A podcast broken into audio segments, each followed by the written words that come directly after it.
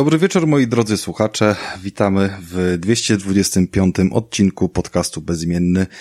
Jestem przekonany, że stęskniliście się do tej, yy, do mojego udziału jako prowadzącego. Mm, z tej strony Rafał i będziemy dzisiaj w cudownym składzie, bo będziemy we dwóch z Tomkiem Arołem. Słyszałem, że tak się ostatnio bronił dosyć solidnie przed nalotem zielonych, więc y, dzisiaj będziemy w odwecie i, i, i będziemy we dwóch razem z Tomkiem. Przywitaj się, hej. No cześć, dzięki za zaproszenie. Będziemy atakować Krystiana, który oczywiście będzie nam nadawał z UK'a i, i, i coś tam będzie pewnie sobie świergolił po zielonemu. No słuchajcie, będę na pewno, witam wszystkich, będzie mocno zielono u mnie, dwa ekskluzywy i, i coś jeszcze.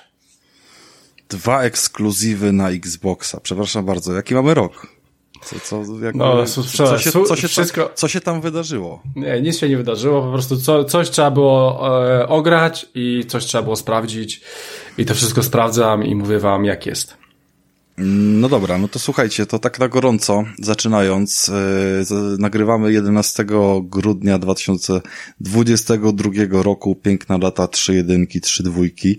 Yy, nic to nie znaczy, jak ktoś ma taki kod PIN ustawiony do karty, to niech lepiej zmieni, bo już go znamy.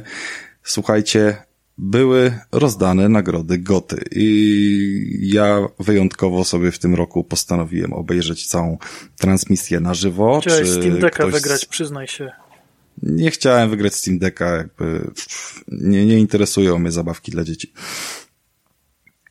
Ani pecety, więc w gruncie rzeczy podwójne nie.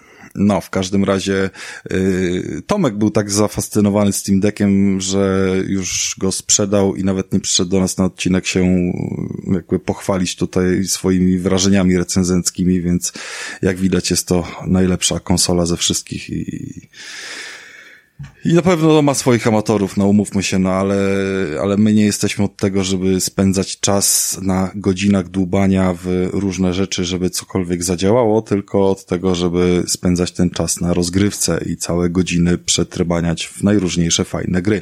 Te fajne gry niestety już były w poprzednim odcinku, mieliśmy go do wora, dzisiaj musimy się posilić jakimiś ogryskami. E, uspokój się, fajne gry dopiero będą, tak? Dzisiaj w tym e, odcinku.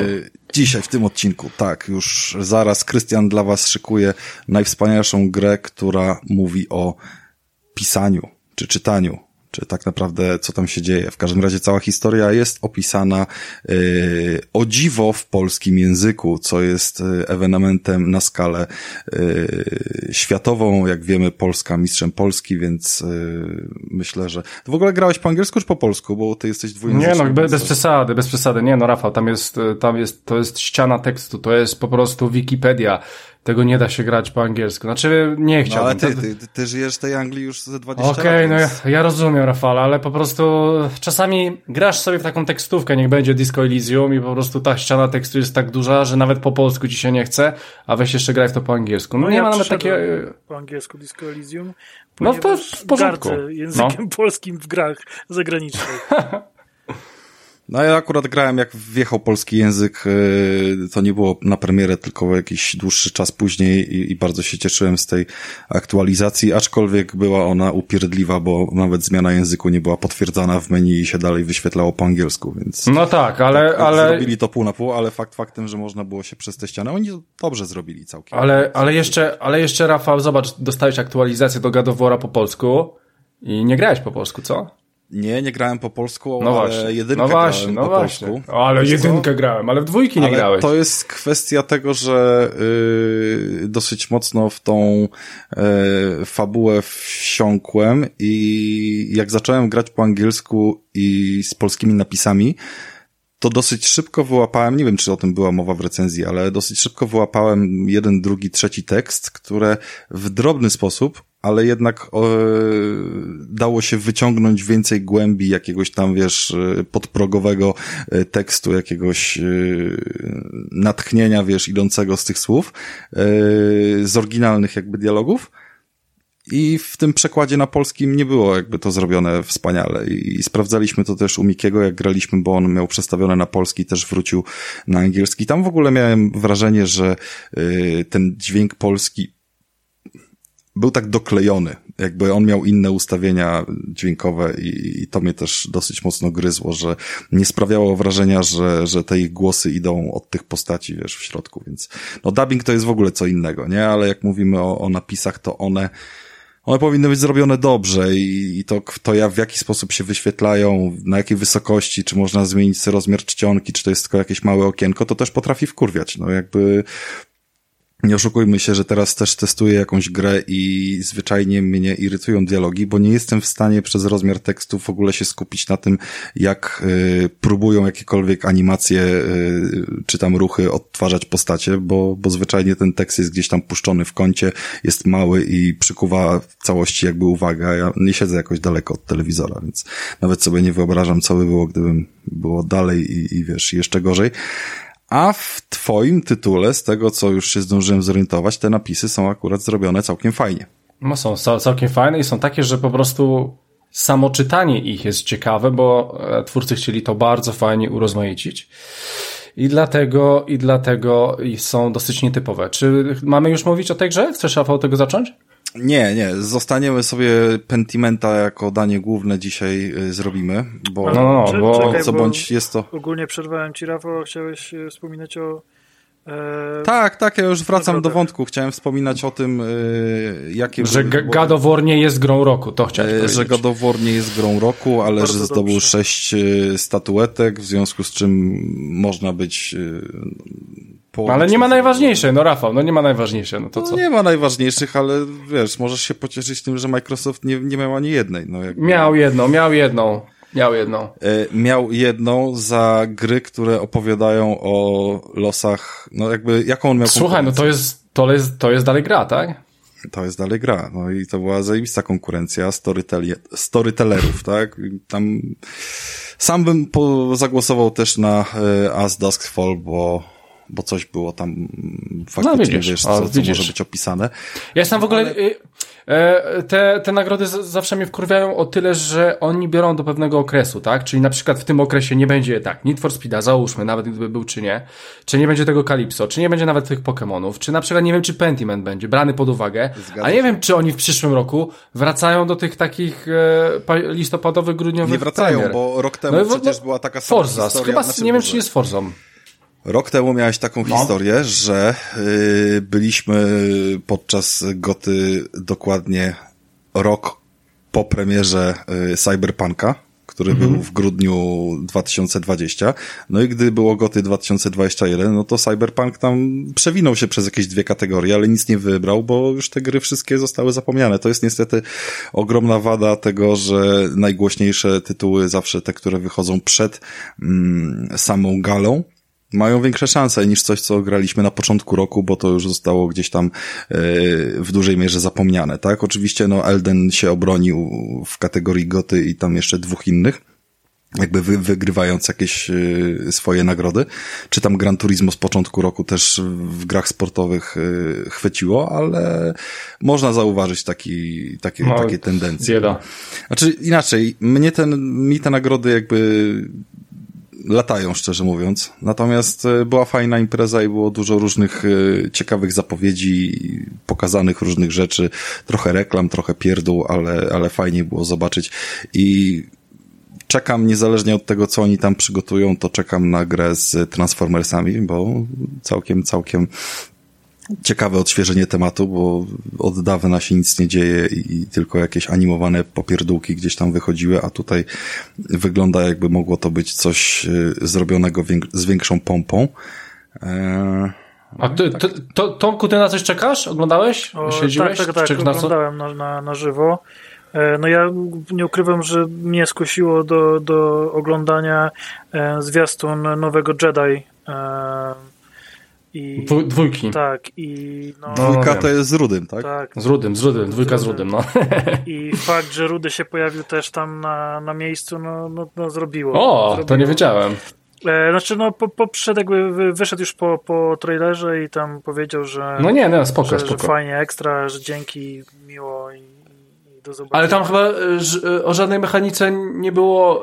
E... Nie, nie, nie, nie, nie, nie, nie. To, bo to no był właśnie, pierwszy w no ogóle no zwiastun, no ale no gra ukaże się w marcu, więc, więc no już nie, Ju, Teraz w marcu? Tak. No, no ale podejrzewam, że to dalej będzie taki, wiesz... Kopię w kraj. Soulsowy trochę klimat, nie?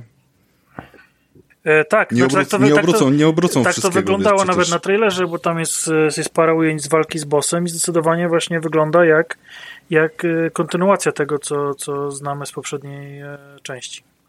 Ja, no jest, no, ja, ja, ja, tylko ja tylko zastanawiam się, czy ta dwójka zostanie poprowadzona, że on ze wszystkimi mocami będzie kontynuował dalej, czy w jakiś dziwny sposób straci wszystko nie, i no na nowo. Oczywiście, że straci. No.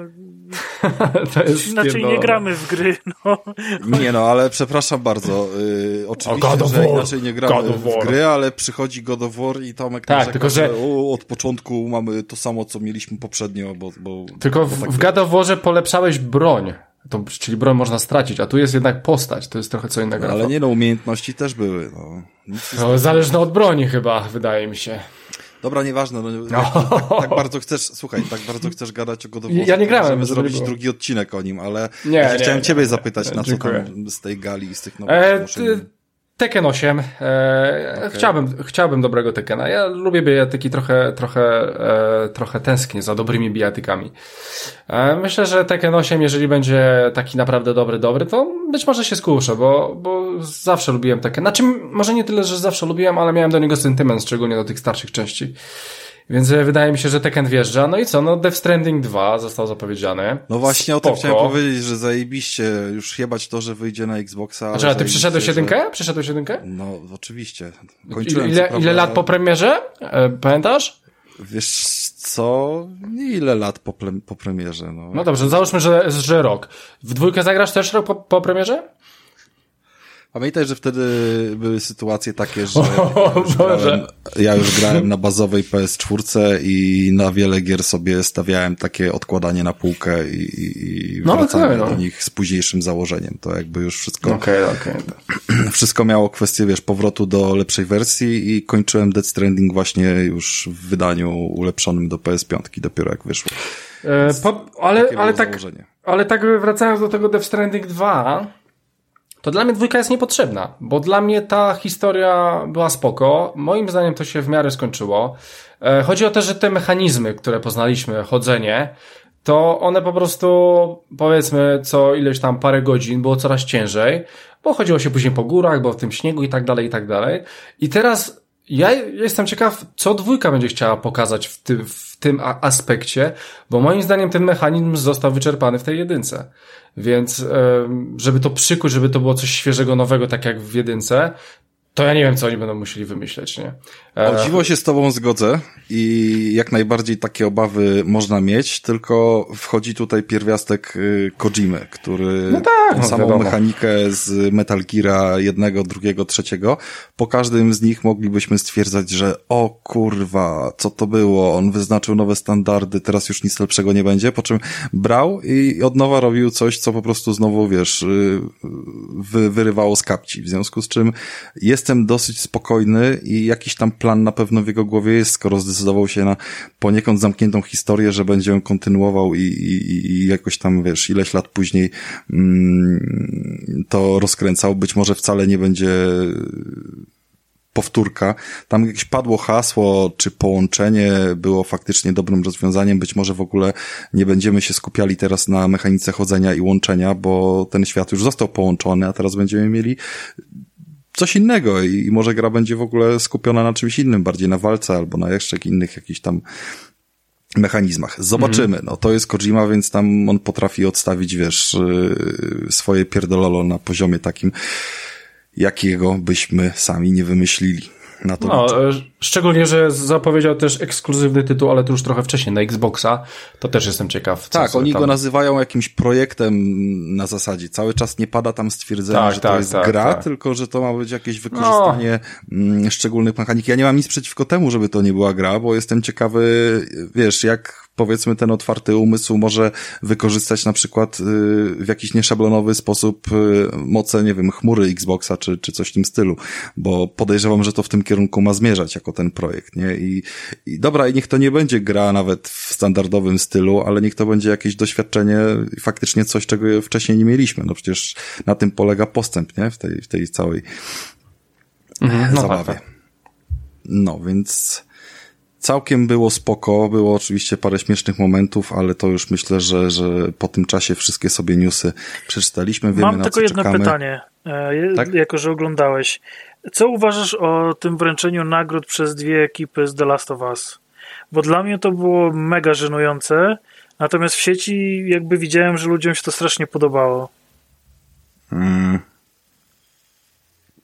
Powiem ci, że ja to oglądałem. Tak oglądał właśnie, tak oglądał.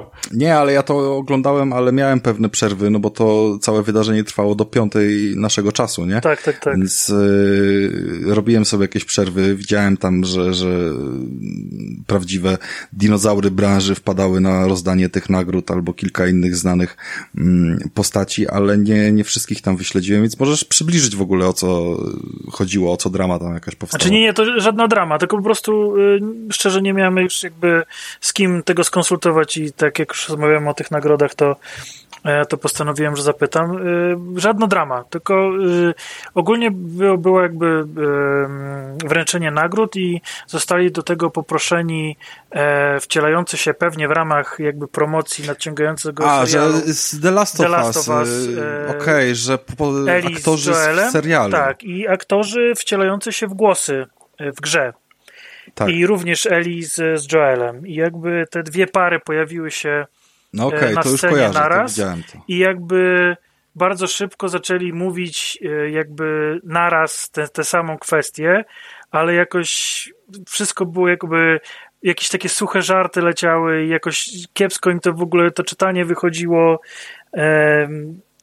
i miałem jakiś taki, taki no, no zgrzyt, bo bardzo lubię jakby i, i serię i, i darzę bardzo sympatią jednych, jak i drugich e, aktorów, natomiast ta konkretne jakby wspólne wystąpienie jakoś tak nie do końca mi... Czy wiesz, może ono, może ono wyglądało lepiej na papierze niż wybrzmiało na, naprawdę. Ja jakoś zobaczyłem tych aktorów, coś tam ich posłuchałem, ale nie, nie, nie jakoś nie wzbudziło we mnie to emocji mocniejszych. Yy, w ogóle jestem ciekawy tego serialu, bo z jednej strony on bardzo dużo na tych trailerach pokazuje scen, które mm, nawet są już porównania, że, że są bardzo w bardzo podobny sposób wykreowane i wyreżyserowane jak sceny z gier i w związku z tym po co? Jakby tak trochę się pojawia pytanie. To nie jest kwestia, że ktoś ma nakręcić film Metal Gear z jedynki, gdzie mieliśmy piksel na pikselu i jakby odegranie tego wszystkiego aktorskie dałoby zupełnie inny feeling, tylko tu mamy grę, która można by na dobrą sprawę spokojnie przycinając zrobić z niej film, z tych wszystkich scenek. I ktoś próbuje to odegrać aktorsko i co robi te same ujęcia, no to jest z jednej strony y, oczko dla fanów i, i, i o fajnie, pamiętam tą scenę z gry, ale z drugiej strony po co to pamiętać, tylko zobaczyć to samo z inną twarzą albo wiesz, w odegraniu aktorskim. To jakby nie chyba, chyba, chyba, chyba nie na to, nie na to czekam, nie? Jakby troszeczkę, no ale z drugiej strony wiecie, jak jest, tak samo jak z Wiedźminem, no jakby drobna kwestia zmiany zbroi albo czarny elf i zaraz jest gównoburza, więc może nie oceniajmy tutaj jakby przed premierą czegokolwiek, a to, że jest premiera i na goty jest mnóstwo innych rzeczy, reklam i tak dalej, to wiesz, to, to jest standard, jakby mnie na przykład y, uderzyło trochę to, że Kojima sobie wyszedł i, i z tłumaczem, bo y, no sorry, no tyle lat gościu gościu już mieszka w Stanach, robi gry dla Amerykańców i de facto od Metal Gear on już jakby był projektowaną grą pod rynek amerykański, a oni dalej jakby idą tempo w, wiesz, w kwestię, że o nie, nie, nie powiem nawet paru słów po angielsku. Przecież on i tak tam nic nie powiedział, no więc jakby Fajne słowa padły, że y, napisał, miał przygotowany już parę lat temu przed pandemią scenariusz do Death Stranding dwójki i całego go musiał przerobić, bo nie chciał przewidywać przyszłości po raz kolejny, więc jakby y, okej, okay, spoko, bo, bo wiemy jaka tam była z tym historia przed y, COVID-em, no ale myślę, że można się było posilić. Jakby sorry, nawet kurde nasz prezydent potrafi się paru słów po angielsku nauczyć i, i wyjść gdzieś tam i kogoś przywitać, nie? To, to jest wyczyn. Ja to myślę, jakby... że to jest mimo wszystko y, kreowanie siebie na jakiegoś takiego króla wszechświata. No właśnie do tego zmierzam, że troszeczkę mnie to gryzie, ale I to może w ten sposób płynny będziemy kończyli yy, kwestię goty, a ja zrobię płynne przejście do naszego takiego pierwszego tematu, który poniekąd jest związany z patronami, który jest yy, tematem, że, że każdy z nas będzie coś mógł powiedzieć, bo chciałbym powiedzieć o książkach o książkach, które już od dłuższego czasu się pojawiają na mm, naszym polskim rynku. Parę osób robi tam e, dobrą robotę i, i ogólnie e, znajome twarze z branży za to odpowiadają, e, żeby pewne tytuły, które wychodzą na rynku zagranicznym, pojawiły się w naszym polskim wydaniu i przybliżyły nam trochę więcej historii gier wideo. I takie tytuły na przykład wyszły z jednego wydawnictwa. Bardzo ładnie to wygląda na półce, gdy mamy potem wszystkie obok siebie. One nie są y, wszystkie od tego samego autora, ale po prostu to samo wydawnictwo je wydaje w taki sposób,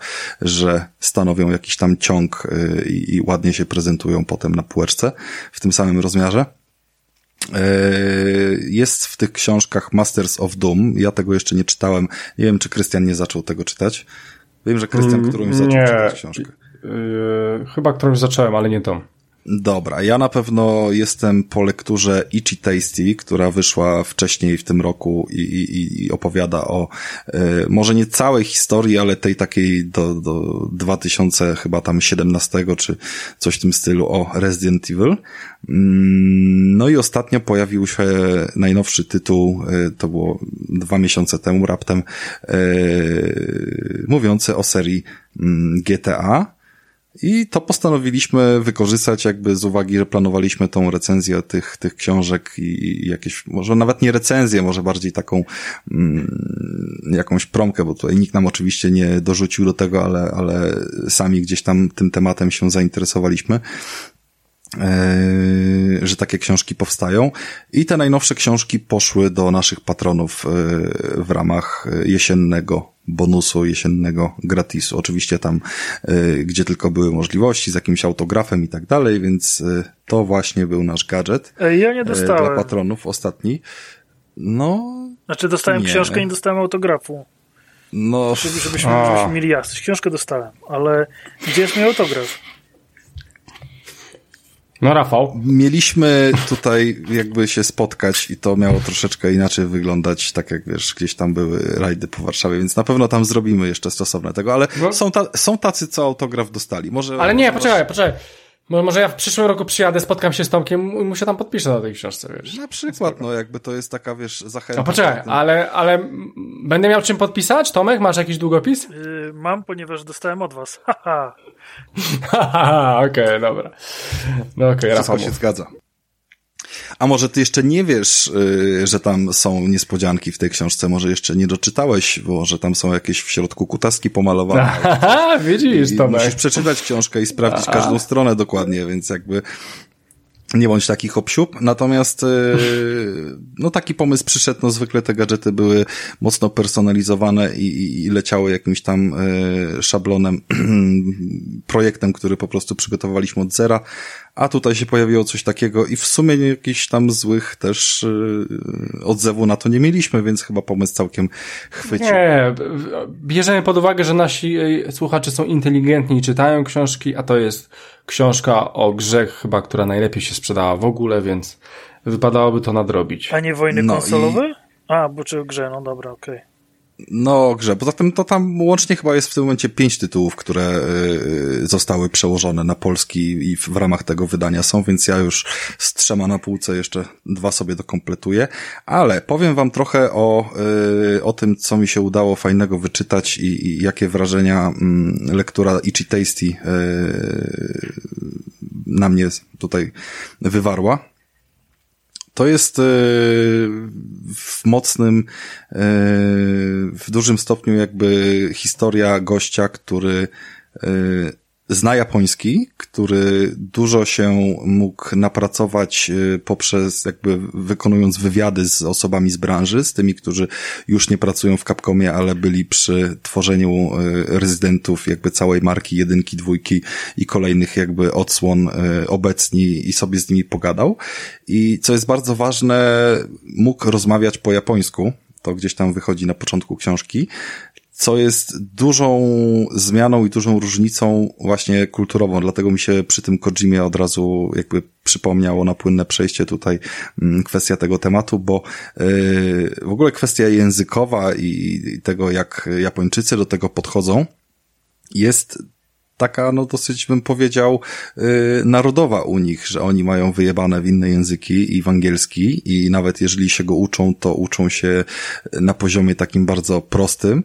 I dopóki ktoś nie rozmawia z nimi o jakby w ich języku, po japońsku, to nie jest w stanie yy, tak naprawdę wyłapać całego przekazu, bo, bo, bo ciężko jest, wiecie, ciężko jest po prostu z kimś gadać, kto owszem odpowie ci na jakieś pytania, ale zrobi to, wiesz, y, tylko tymi narzędziami, które ma, a one są powiedzmy, wiesz, y, z, epoki kamienia upanego. A to ja słyszałem co nie? innego e, o Japończykach i języku angielskim, a mianowicie, że oni się wstydzą mówić po, po angielsku, ponieważ jak dobrze by go nie znali, to y, uważają, że nie znają go odpowiednio dobrze. Być może są takie kwestie jakby kulturowe. Ja nie chcę jakoś tam mocno wchodzić. To w każdym razie jest też w książce poruszone, jakby, że ogólnie problem bariery językowej y, jest problemem, żeby te informacje do nas trafiały i, i dlatego ta książka jest o tyle ciekawa, że y, przekłada nam te informacje z tych wywiadów przeprowadzonych po japońsku, co jakby jest jej dużą wartością.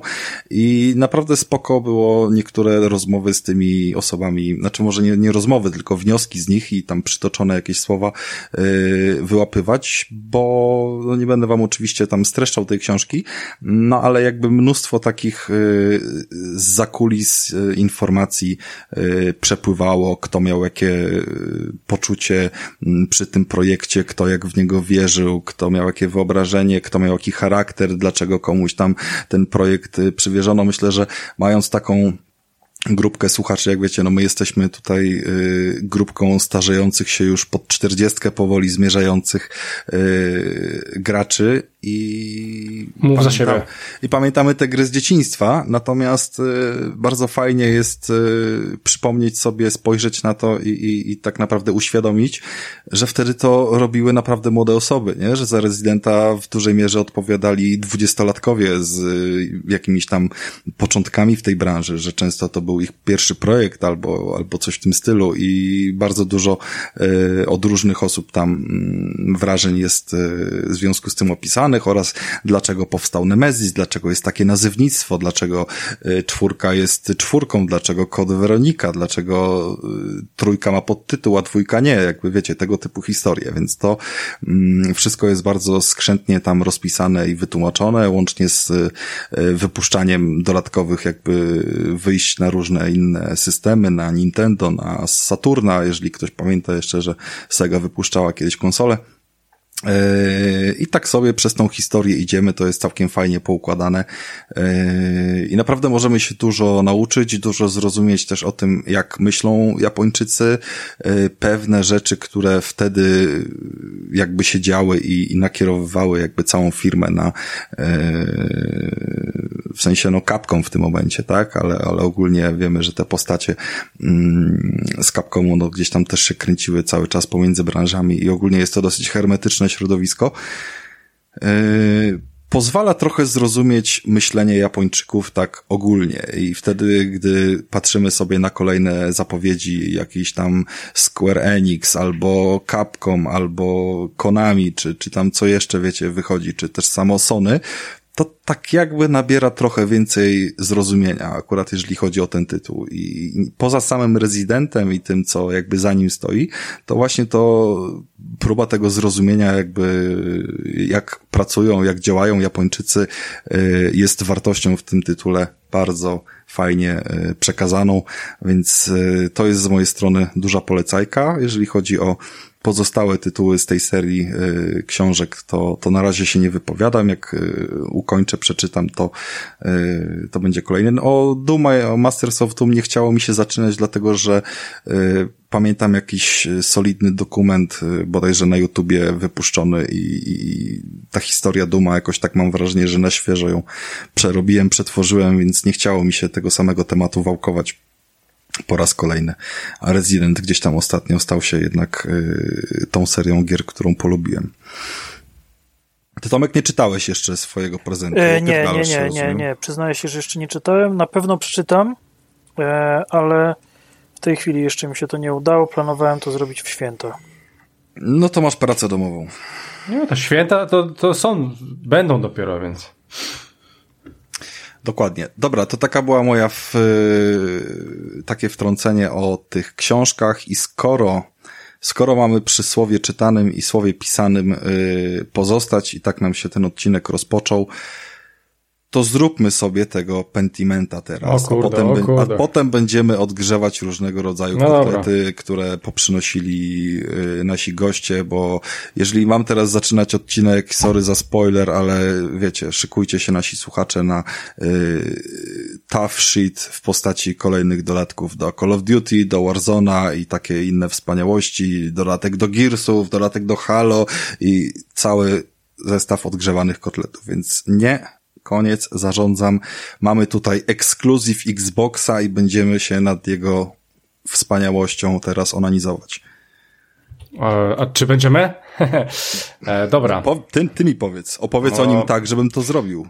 No okej, okay. dobra. E, powiemy szczerze, że mm, jeżeli chodzi o Pentiment, to miałem bardzo, bardzo duże, e, bardzo duże e, wymagania, jeżeli chodzi o tą grę, ponieważ przeczytałem dużo fajnych recenzji. Przeczytałem też i niefajne recenzje, e, zanim zacząłem w to grać, no ale, ale w końcu w to zagrałem i mogę sam powiedzieć, nie jest to na pewno e, najlepsza gra w tym roku, tak mi się wydaje, ale jest to na pewno bardzo dobra gra i na pewno lepsza e, gra niż chociażby nowy God of War czy Horizon. Dwa, ze względu na to, że ja w tej gry po prostu nie grałem, nie? Więc przy, przez, przez się Pentiment będzie tą grą kurwa lepszą. E, dobra, Krystiana, słuchajcie. Czy, to... czy, ty już przesta... czy ty już przestałeś czytać GameSpot? Eee, nie. No bo Skorna ci ocenili na czwórkę, a bardzo ci się podobał. Pentiment no tak. jest kolejną grą ocenioną na szóstkę, a wiemy o tym, że y, niesie ze sobą coś ciekawego i ja się nawet no nie śmieję. Y, więc y, no tak jest, to Rafał. Coś, no. coś te oceny zaczynają się rozjeżdżać. A to no okej, okay. znaczy wiesz co, biorę takie, że, takie rzeczy po, pod uwagę. Eee, protokol też jest słaby na GameSpocie, nowy Need for Speed też jest słaby, ale te gry ogrywam i, i będę się nimi jarał, nie? E, no, ale no, wiesz, to, to nie bierzesz, że to jest wyrocznia i tak ma być i tak jest. Po prostu raczej to działa tak na takiej zasadzie, aha, no dobra, no okej, okay, no to to będzie raczej spoko gra, albo to nie będzie no spoko nie wiem, no jakby, wiesz, my się staramy być taką wyrocznią, tak? Więc okay, ja liczę, że jak ja coś okay. mówię, to ktoś potem w to wierzy i idzie za moim zdaniem, więc no dlatego ten no GameSpot, tak. wiesz był, był taką no cierniem wokół. Dobra, no, no to jest. opowiadaj o tym. Tomek, coś chciałeś dopytać w ogóle jeszcze? Tak, Tomek? Nie, nie, nie, nie, po prostu chciałem powiedzieć, że to faktycznie argument, z którym ciężko się e, jakby bić, że nie grał w tamte gry, w związku z tym e, ekskluzyw od Xboxa lepszy, no. no to jest naprawdę tru, trudne do, do dyskusji. Krystian jest rzetelnym recenzentem. Ograniczonym, e... ale rzetelnym, więc jakby Spokojnie. proszę się tutaj odstosunkować. E... Spokojnie. Ograniczonym do jednej platformy oczywiście, pomimo tego, że Need for Speeda kupił na PS5, spoiler. Okej, okay, dobra, słuchajcie, e, jeżeli chcecie tak przy tych recenzjach, to CD Action dał dziesiątkę, napisali tak, to jest jedna z najmądrzejszych, najbardziej wciągających przygodówek w historii, to gra, o której będziemy pamiętać przez następne dziesięciolecia i troszeczkę tutaj się z tym zgodzę. Ale e, zacznijmy od początku w ogóle. Czym w ogóle jest Pentiment? Słuchajcie, Pentiment jest grą, która jest takim, no chyba na najłatwiej porównać to właśnie z Disco Elysium i najłatwiej to porównać z naszym polskim game deckiem, czyli po prostu RPGiem, chociaż w tym wypadku nie do końca RPGiem, tekstowym, w którym po prostu e, robiąc, pchamy fabułę, wybierając pewne rzeczy, Plus ma to też wpływ na to, jak stworzyliśmy sobie postać, czyli wchodzą te elementy RPGowe. Jednak w Disco Elysium i w Game Decku levelujecie. Tutaj mm, tutaj dochodzi tylko jeden taki moment, w którym po prostu się starzejecie, przez co zdobywacie doświadczenie, przez co czegoś się nauczyliście i sobie punktujecie. Dajecie, że na przykład byliście w Krakowie, zwiedziliście e, Zygmunta III i jakieś takie rzeczy i po prostu wbijacie sobie to do waszego doświadczenia i później pojawiają się te rzeczy w tekście, co jest super zrobione. E, dobra, ale czym to w ogóle jest? Słuchajcie, Andres, e, Andres e, Mahler, czyli nasz główny bohater, jest to artysta z Bawarii.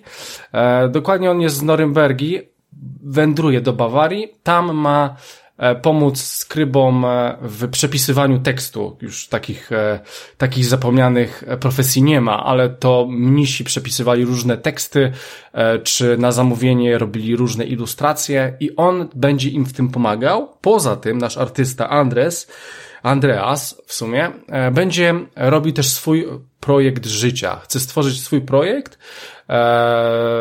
w miejscu, w którym po prostu takie rzeczy powstają, przy oku mnichów, E, i, po, i chcę go tam gdzieś e, e, wysłać, wysłać bodajże w jakieś inne miejsce, dzięki temu po, jego kariera ruszy i będzie mógł być wybitnym artystą i tworzyć różne dziwne rzeczy. Słuchajcie, no i tak to mniej więcej wygląda. No mamy taki artystę, młody, młody koleżka i po prostu trafia do E, do e, miejscowości. Ja mogę która... cię prosić, e, no? jakbyś powiedział w dwóch słowach wizualnie, jak ta gra wygląda, bo to pozwoli sobie, wiesz, zobrazować też e, słuchaczom, o czym my to... tak naprawdę mówimy. Bo to jest, bo wiesz to co, rzecz, wiesz co, tak, ale to jest najciekawsza rzecz, ale powiem ci, że nie mam takiego stricte, jak każdą grę, jestem w stanie ją do czegoś porównać, tak Pentiment nie jestem.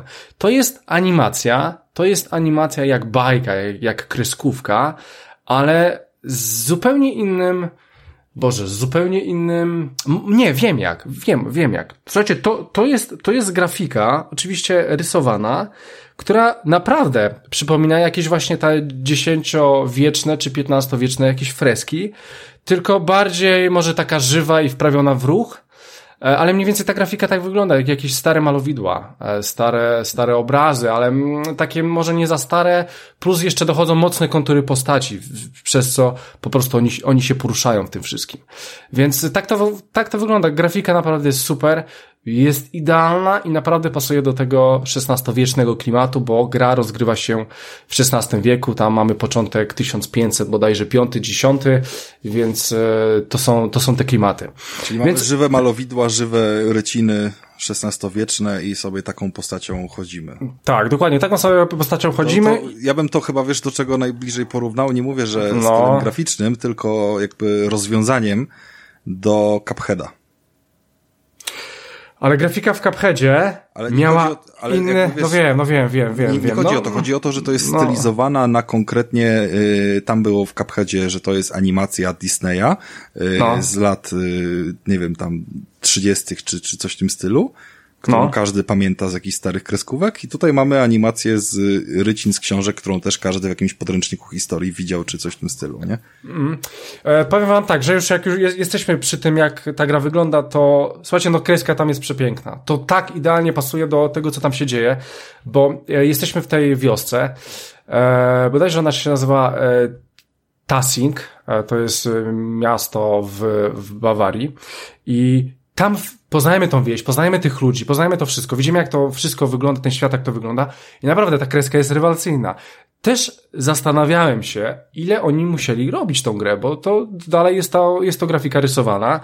Na początku gry i na końcu gry e, wchodzi grafika taka 3D, ale ogólnie jest to tylko i wyłącznie kreska. E, ktoś musiał też dać e, ruch tym postaciom, bo te postacie wbrew pozorom one się poruszają, ale jeżeli chodzi mi o mimikę twarzy, to one po prostu zmieniają się tak jak dymki się zmywają, zmieniają na zasadzie jednej klatki. Nowa klatka, zmiana, zmiana miny, nowa klatka, zmiana miny i tak dalej. Więc nawet taka różna mimika waszej postaci, to na pewno były godziny pracy, żeby po prostu on reagował na 30 czy 40 różnych głupot, które, które ktoś po prostu do niego powie, albo on powie do kogoś innego.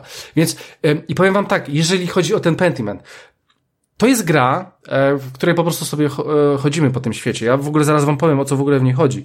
Ale ja jeszcze chciałbym w wielu, w wielu ujęciach, w wielu ujęciach, słuchajcie, to jest grafika w 4K i naprawdę w 65 calach fajnie jest usiąść na tej grze blisko, żeby zobaczyć tą, tą, tą mimikę twarzy i te wszystkie detale, które zostały narysowane, ponieważ siedząc dwa metry od telewizora, nie zobaczycie tego, czy dwa i pół. Więc Pentiment to jest, to jest taka jedna z niewielu w sumie gier, których polecam siedzieć bardzo blisko. Jak, jak najbliżej możecie, no nie, może koło metra, metra pięćdziesięciu to jest, to jest po prostu max, max metr dwadzieścia. I zobaczycie fajne detale, fajne szczegóły, których ja, ja nie dostrzegałem, bo tak samo, ja, gra, ja też grałem powyżej dwóch metrów, ale e, podszedłem do telewizora i zupełnie inny odbiór tej gry, zupełnie co innego, no po prostu czułem się, czułem się po prostu, widziałem po prostu różne fajne rzeczy, których wcześniej nie dostrzegałem, Rafa mów.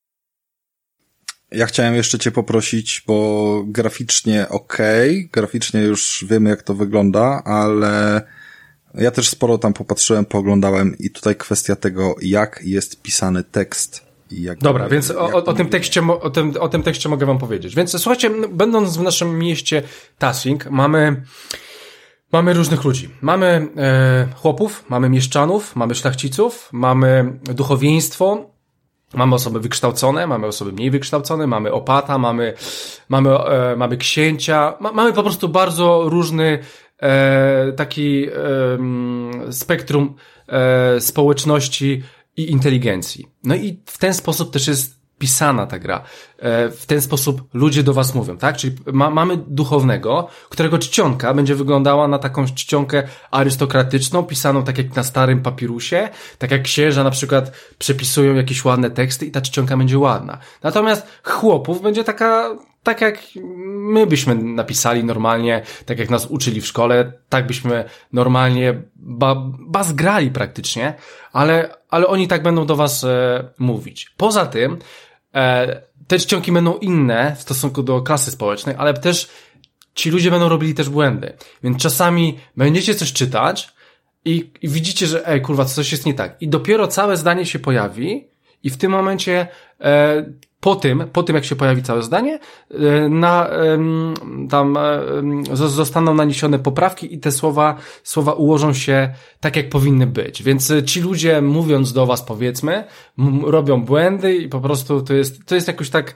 uwarunkowane od tego, że po prostu e, tak mi się wydaje, że, że nawet takie normalne mówienie też, też nie było jakieś tam nie wiadomo jak piękne i fajne. Ludzie nie umieli pisać. E, nie umieli czytać. E, I to jest wszystko pokazane w, w tym, e, w tej grze. I po prostu te czcionki to jest po prostu mistrzostwo świata, ponieważ ponieważ nie są one takie standardowe. czytacie to, będziecie czytać, w ogóle będziecie czytać. To jest, to jest gra książka, nie oszukujmy się. Więc będziecie czytać. I żeby te czytanie było fajne, przyjemne i inne, to właśnie na, nawarstwili czcionki w stosunku do tego, kto zajmuje jaką, e, e, nie wiem, e, jaką w społeczeństwie e, ma, w, czy, czy jest po prostu jakimś duchownym, czy chłopem i, i to fajnie zostało przedstawione.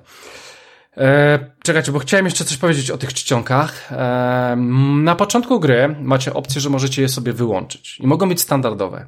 No i to od was będzie zależało, czy chcecie, ale wydaje mi się, że gra będzie dużo traciła, jeżeli tego, e, jeżeli to wyłączycie i weźmiecie sobie w standardzie. Powiem wam więcej. Na początku jak grałem w tą grę, to miałem problem z odczytaniem niektórych czcionek, ponieważ y, te słowo... Kali, kaligrafie są o Jezu, trochę. No. Są, są, ale wiesz, musisz się jeszcze na tym bardziej skupić, nie? To nie idzie ci w automacie, a czasami chcesz zeskipować. To jest też gra, w której lepiej nie skipować takich rzeczy, bo to nie jest gra, w której przechodzicie, przechodzicie szybko. Słuchajcie, mi zajęło, mi zajęło przejście tego prawie 20 godzin. 20 godzin czytania, no nie oszukujmy się, 20 godzin czytania, więc, więc jeżeli nie chcecie czytać, to, to nawet nie podchodźcie do, do tej gry, bo, bo nie ma sensu. Więc y, ta czcionka wydaje mi się, że powinna zostać, bo robi po prostu klimat tej gry. No bo mm, powiem wam tak, nie, że no ja później, zgadzam, to... później, później y, są osoby, które będą używały normalnej czcionki. Y, wy też będziecie w pewnych momentach używać normalnej czcionki i to się czyta super, super łatwo, pięknie i przyjemnie, ale jesteście w stanie to ogarnąć, przejdziecie godzinę, dwie, trzy, przyzwyczajicie się i później, później to wchodzi. Później, później macie łatwość tego i, i myślę, że będziecie mieli radość, jeżeli e, będziecie gadać, nie wiem, z, z zakonnicą, z duchowną i będzie zupełnie inna czcionka, co też jest fajne. Tam chyba jest w ogóle sześć albo osiem rodzajów tych czcionek. E, no, dobra, więc Rafał to poruszył. Słuchajcie, mamy e, w ogóle o co chodzi w tej grze. Nasz artysta trafia do, e, do właśnie do tego testing, wynajmuje sobie jakiś pokój w jednym, w, u jakiegoś tam chłopa, wszystko spo, spoko i później codziennie będziecie chodzić do pracy, będziecie coś tam przepisywać, przy okazji kończyć wasze dzieło i spoko. No i słuchajcie, na, na początku do, dowiadujecie się, że e, będąc sobie w tym mieście. W ogóle wszyscy was znają, wszyscy was lubią, e, macie poważanie wszędzie, ponieważ jesteście artystą, a w większości będziecie rozmawiać z chłopami czy z mieszczanami, więc ogólnie macie wielkie po, poważanie w, w tej wsi, w tym, w tym mieście i, i po prostu e, każdy was lubi. No i słuchajcie, na początku gry będzie miało e, pewne, e, coś się wydarzy, do, dokładnie ktoś zginie. I wy będziecie rozwiązywać zagadkę, kto to jest. E, no. E, powiem wam tak, że nie chcę wam też mocno spoilerować. Gra jest podzielona na trzy akty, każdy robicie 5-6 godzin i w pierwszym akcie główna zabawa jest taka, że ktoś ginie i rozwiązujecie śledztwo. E, to wam, to wam tylko tyle powiem, bo tyle w sumie mogę wam powiedzieć, a resztę może, możecie się tam e, przeczytać albo po prostu zagrać. Słuchajcie, i o, i o to w tym mniej więcej będziecie chodzić, więc będziecie sobie rozkminiać, będziecie gadać z ludźmi, będziecie prowadzić własne dochodzenie, będziecie mieć różne tropy i będziecie robić, e, e, będziecie próbowali rozwiązać tą zagadkę, aczkolwiek ona nie jest taka zero-jedynkowa, wierzcie mi. I teraz tak, słuchajcie, tak jak powiedziałem, że gra ma pewne elementy RPG, no i ma te pewne elementy RPG. I to będzie polegało na tym, że to jest w ogóle bardzo fajnie i mądrze przedstawione wszystko w tej grze i to, jak wy, wy na przykład będziecie przedstawiani, bo, bo wyobraźcie sobie, że wędrujecie do, do za, zaczynacie grę i na przykład ktoś wam za, zadaje pytanie, a sk na przykład skąd jesteście, no nie? Albo czego się uczyliście. I to jest ten moment, w którym wy tworzycie postać, tak? I na przykład czego się uczyliście na studiach. Okay, no to wybieracie jeden z czterech kierunków. I możecie być jakimś tam filozofem, czy lekarzem, czy, czy e, tam było jakimś humanistą, czy tam e, kimś powiązanym z właśnie bardziej z artystycznymi rzeczami, czy na przykład z, z, e, lingwi, z lingwistycznymi rzeczami, z innymi językami i tak dalej. I na przykład odpowiadacie na to pytanie i później jest kolejne pytanie, a czy jeszcze coś studiowaliście? No i dajecie sobie drugi kierunek i w ten sposób właśnie budowana jest wasza postać i w ten sposób właśnie e, e, w ten sposób właśnie wytworzycie tą postać pod, e, no, po, w ten sposób, jak was tam gra prowadzi, tak? Tego nie ma jakoś dużo. To, to nie jest tak rozbudowane jak w Disco, w Disco Elysium, nie oszukujmy się, ale, ale jest to fajnie zrobione i to będzie się trzymało bardzo fajnie, przynajmniej przez pierwsze dwa akty bo w trzecim akcie jest zupełnie coś innego i tam, mimo tego, że też będzie coś w podobie, to, to tych elementów takich RP, RPG z dodatkowymi e, wyborami będzie zdecydowanie mniej. E, więc mm, to jest bardzo fajne.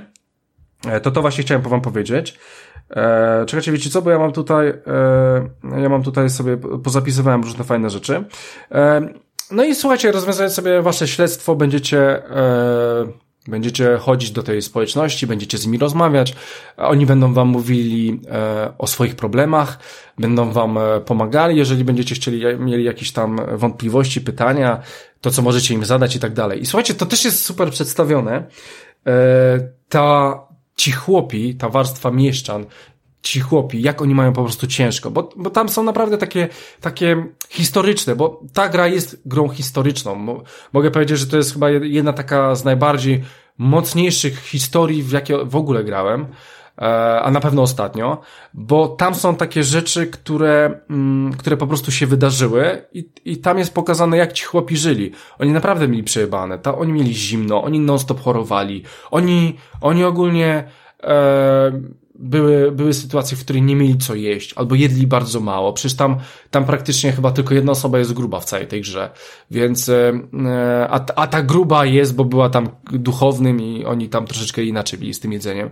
I ogólnie tam są e, takie, e, tam są takie normalne sytuacje z życia po prostu chłopów, tych mieszczan i, i oni się nimi dzielą i dzielą się z wami, z wami tym wszystkim naprawdę w taki w taki e, realistyczny, sposób, że naprawdę czujecie się, jakbyście brali udział w tej grze, jakbyście tam byli i naprawdę gadali z tymi chłopami i, i tak, i tak chcielibyście wziąć te ich problemy i jakoś im pomóc albo, albo coś im zaproponować, więc jest to super przedstawione i powiem wam, że w grze naprawdę jest osób, z którymi będziecie rozmawiać jest 40 czy 50, bo wszystko będzie się działo w tym jednym mieście, one się będzie zmieniało, bo tam czas będzie się ruszał e, dosyć mocno.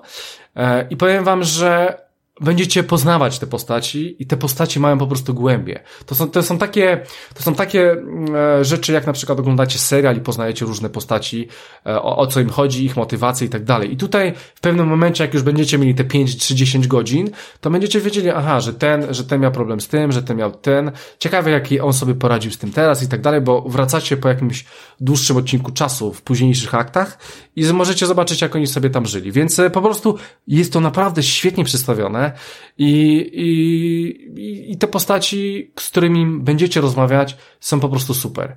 Um, oczywiście tak sobie pomyślałem ja też... Tylko, jak no. mogę wejść słowo, zawsze no jak, mów, zawsze mów, mów. Mamy, mamy jakieś takie gry, które wchodzą w no, czasy, które już minęły, tak, w jakieś średniowiecze, wcześniejsze czy późniejsze.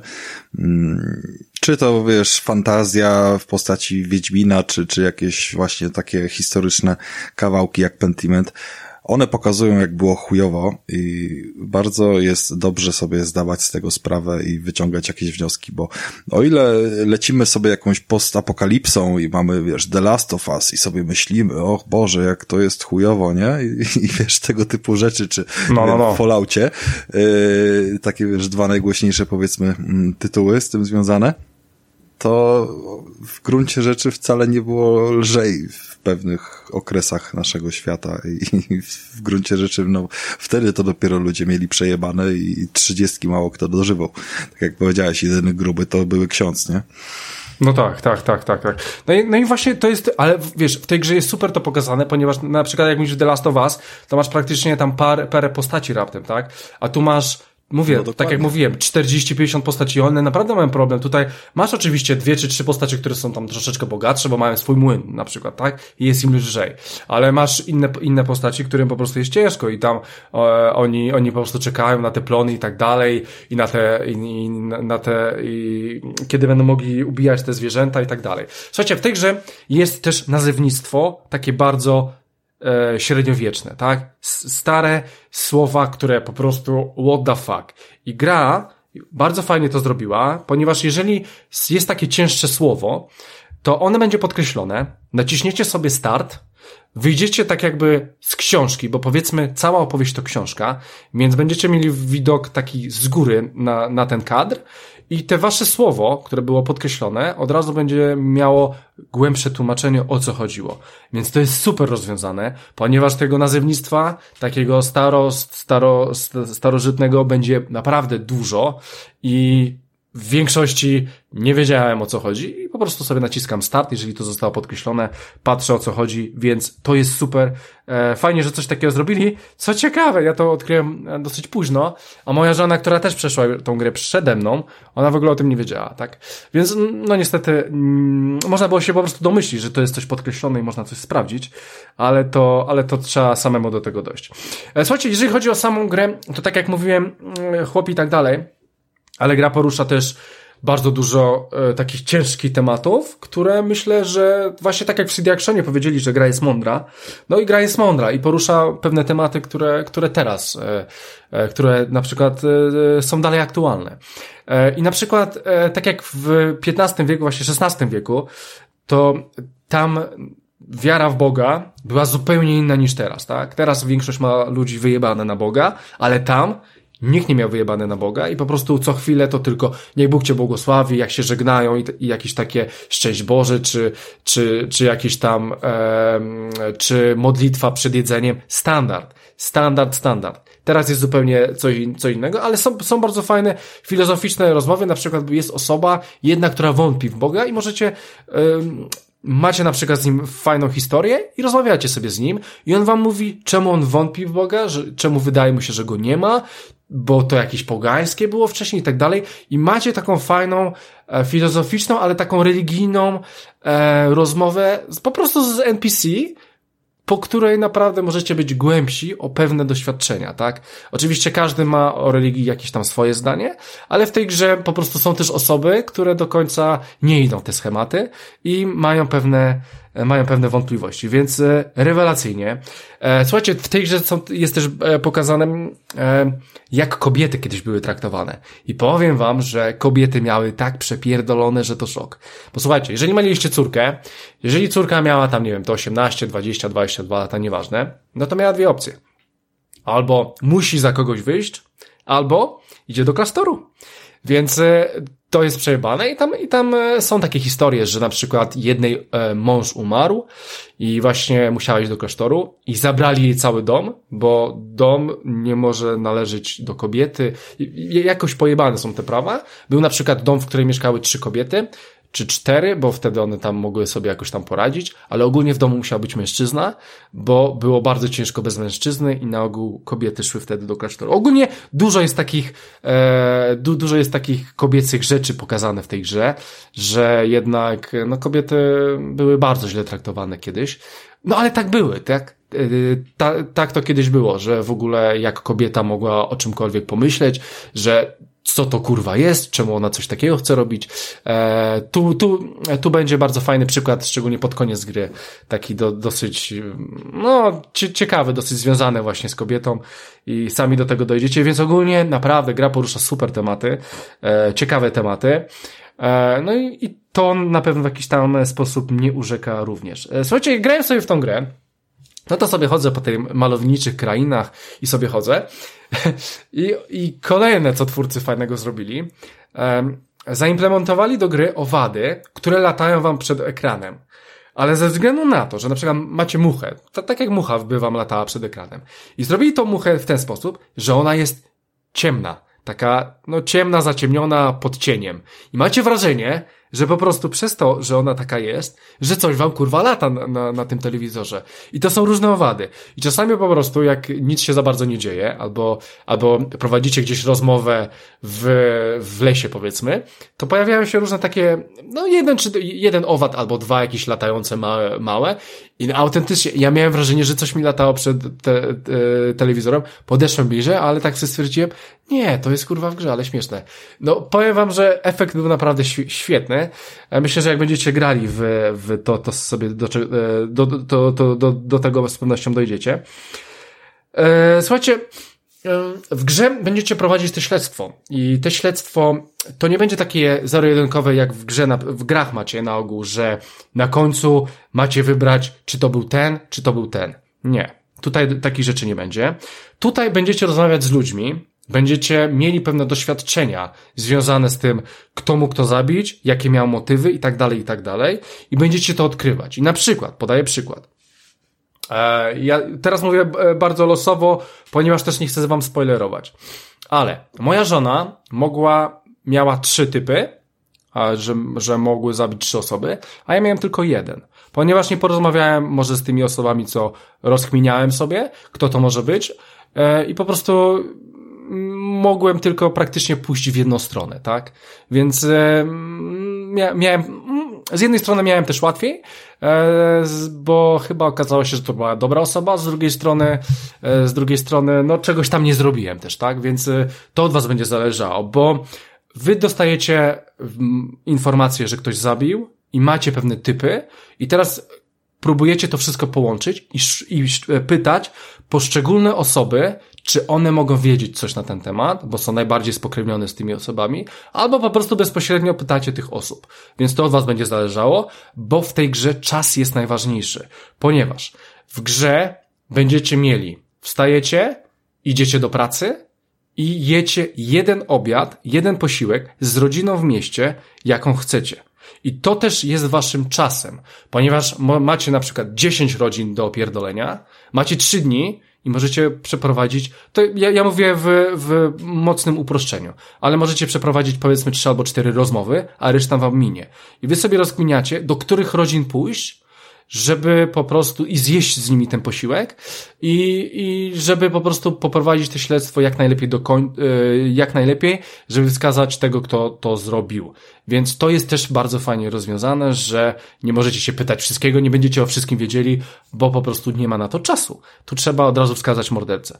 E, to jest fajnie rozwiązane. I słuchajcie, no i, i właśnie jeżeli już, już powiedziałem, będziecie jedli tam e, oczywiście posiłek, czyli modlitwa, siadacie, zapraszamy, e, Andreasie, zapraszamy cię do stołu, jesteś mile widziany, e, Boże pobłogosław nasze potrawy, jemy i rozmawiacie. I teraz tak, bardzo fajnie jest zrobione to, że jeżeli jecie u jakiegoś chłopa, no to jecie jakieś tam potrawkę, jakiś tam chleb, no i, i ewentualnie e, jakieś tam, e, coś tam jeszcze jest, ale coś na pewno słabego.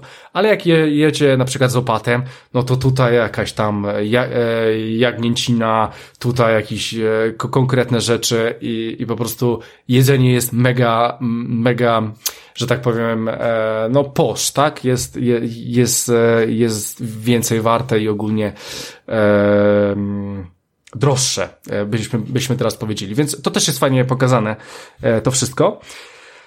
Słuchajcie, czy ja będę już pomału kończył? Nie, w sumie dopiero się rozkręcam. Słuchajcie, w grze będzie też karcianka, coś na zasadzie gwinta w Wiedźminie. Tutaj będzie, będzie to troszeczkę, ona ma swój, swoją nazwę w grze. Ja jej nie pamiętam, bo jest pojebana. Ale gra będzie polegała na tym mniej więcej, to, na czym polegał e, po, poker Texas Hold'em, powiedzmy, tak? Powiedzmy, że to jest taki pierwszy poker. Więc e, ogólnie będą to w miarę pokerowe zasady i będziecie mogli zaryzykować jakieś tam pieniądze i po prostu będziecie mogli sobie w to zagrać. Bardzo fajna odskocznia, e, coś innego. Z pewnością kiedyś grali w taką, w, w te karty, no ale no, teraz na pewno nikt o niej nie słyszał, nie wiedział, aczkolwiek zasady ma tak proste, że, że wcale się nie dziwię, że mogło gdzieś to zginąć zginąć. E, I tylko chcę dodać, że ta karcianka jest bardzo randomowa, tak? Czyli nie jest nastawiona na to, że wygrasz. Ja akurat przegrałem i nawet jak w nią grałem, to widziałem, że jest tak randomowa, że po prostu albo mi się uda, albo mi się nie uda, więc, e, więc to ten, ale, ale jest bardzo fajną odskocznią. E, więc to chciałem powiedzieć. Czy coś jeszcze?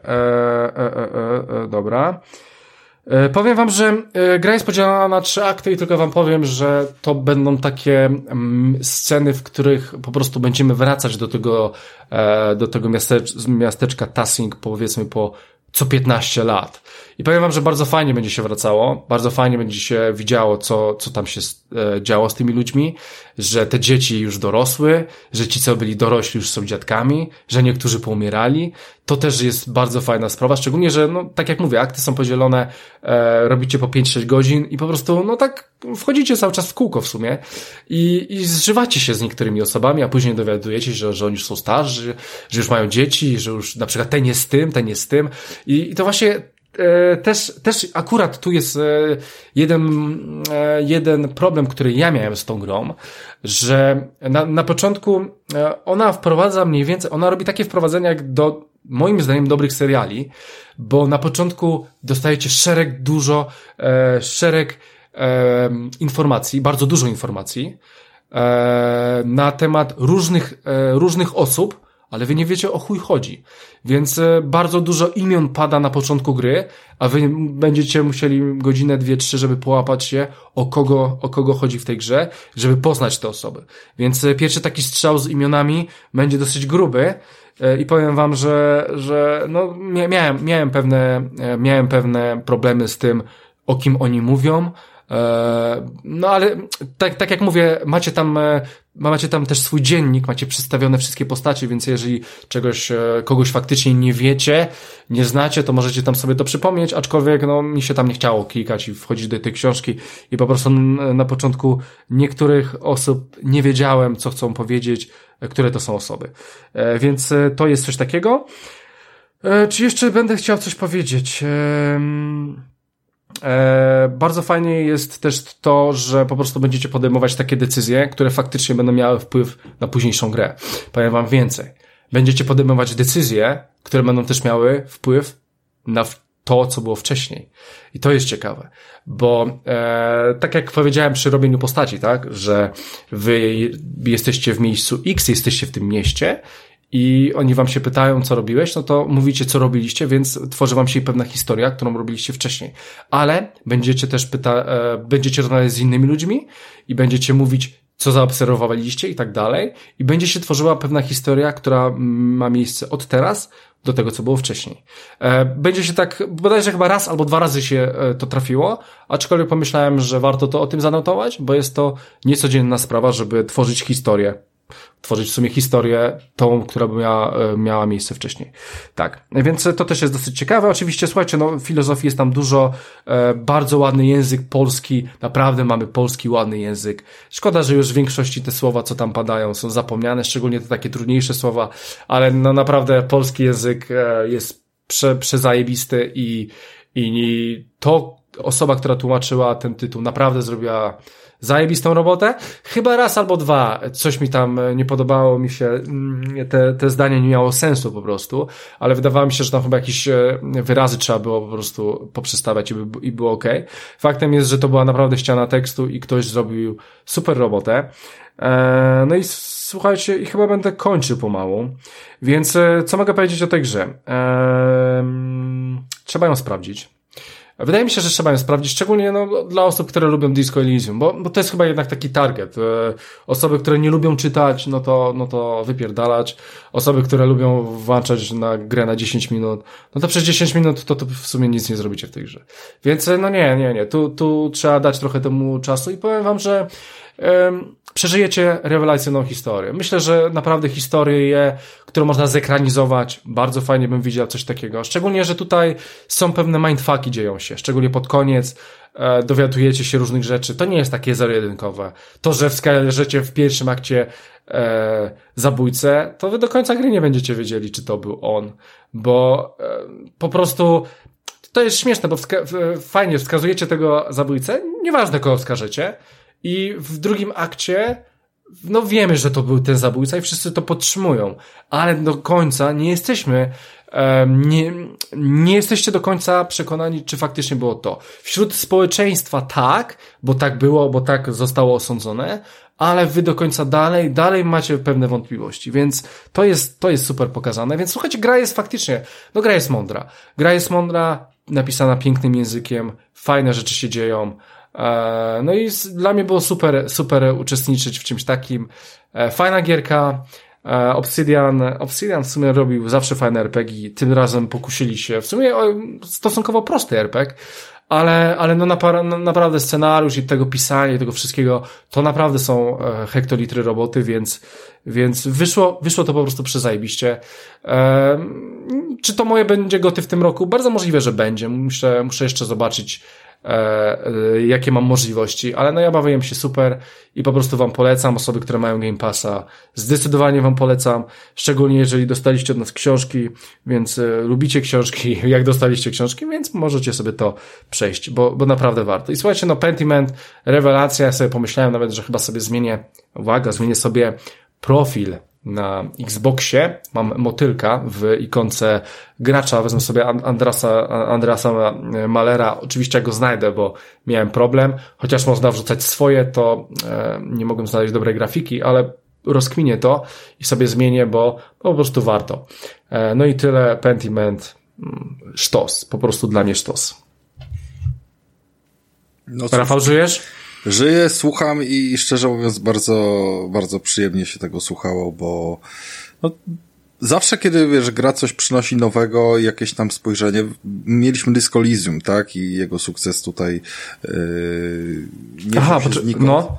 No, no, no. Znikąd, no jakby tutaj mamy wykorzystane w dużej mierze podobne mechaniki, mamy udowodnione niejako tym tytułem, że grafika wcale nie musi być kluczowa i że możemy po prostu w inny sposób, wiesz, przygotować rozgrywkę, która się broni. Szczególnie jeżeli tu jest zrobione to z taką dbałością o szczegóły, tak? Jakby sama kwestia tych czcionek różnych dla innych postaci i mm, głębi, z jaką ta historia jest napisana, to, to zdaje się bronić. Ja na pewno do tego no, no. Nie wiem jeszcze, musisz, musisz, Rafał. Szczególnie, że ty lubisz takie gry. Ty lubisz, Rafał, tak, takie tylko gry. mówię, nie wiem jeszcze, czy na Xboxie, czy na PC, jak mi będzie wygodniej czytać, bo mam to już nawet zainstalowane, ale fajnie, Aha. że przeszedłeś i że od razu sobie... No, no, no. E, przeszedłem i ten. E, jeszcze chcę powiedzieć e, ostatnią rzecz o muzyce. O muzyce w tej o, grze. E, bo, tam, bo tam są takie. E, muzyka ogólnie jest taka. E, tego klimatu, tak, czyli tam XVI wiek i tam są takie przyśpiewki, mamy nawet piosenki też, jedną taką, bo tam będzie taka sytuacja, że taka ekipa coś na zasadzie barda będzie po prostu przyśpiewała i będzie jedna taka starsza piosenka, poza tym będą, będą takie starsze mm, melodie, fajnie. E, oczywiście to jak tekst się pojawia, to też są e, pewnego rodzaju dźwięki, tak jakby ktoś pisał cały czas, tak? Więc macie wrażenie, że ktoś po prostu cały czas pisze. No i, no i, i to jest też fajne, ale chciałem zauważyć tylko jedną rzecz o dźwięków, dźwięki otoczenia. Słuchajcie, wchodzę do lasu, a mój pies się zrywa i tak sobie patrzy dookoła, o co chodzi, nie?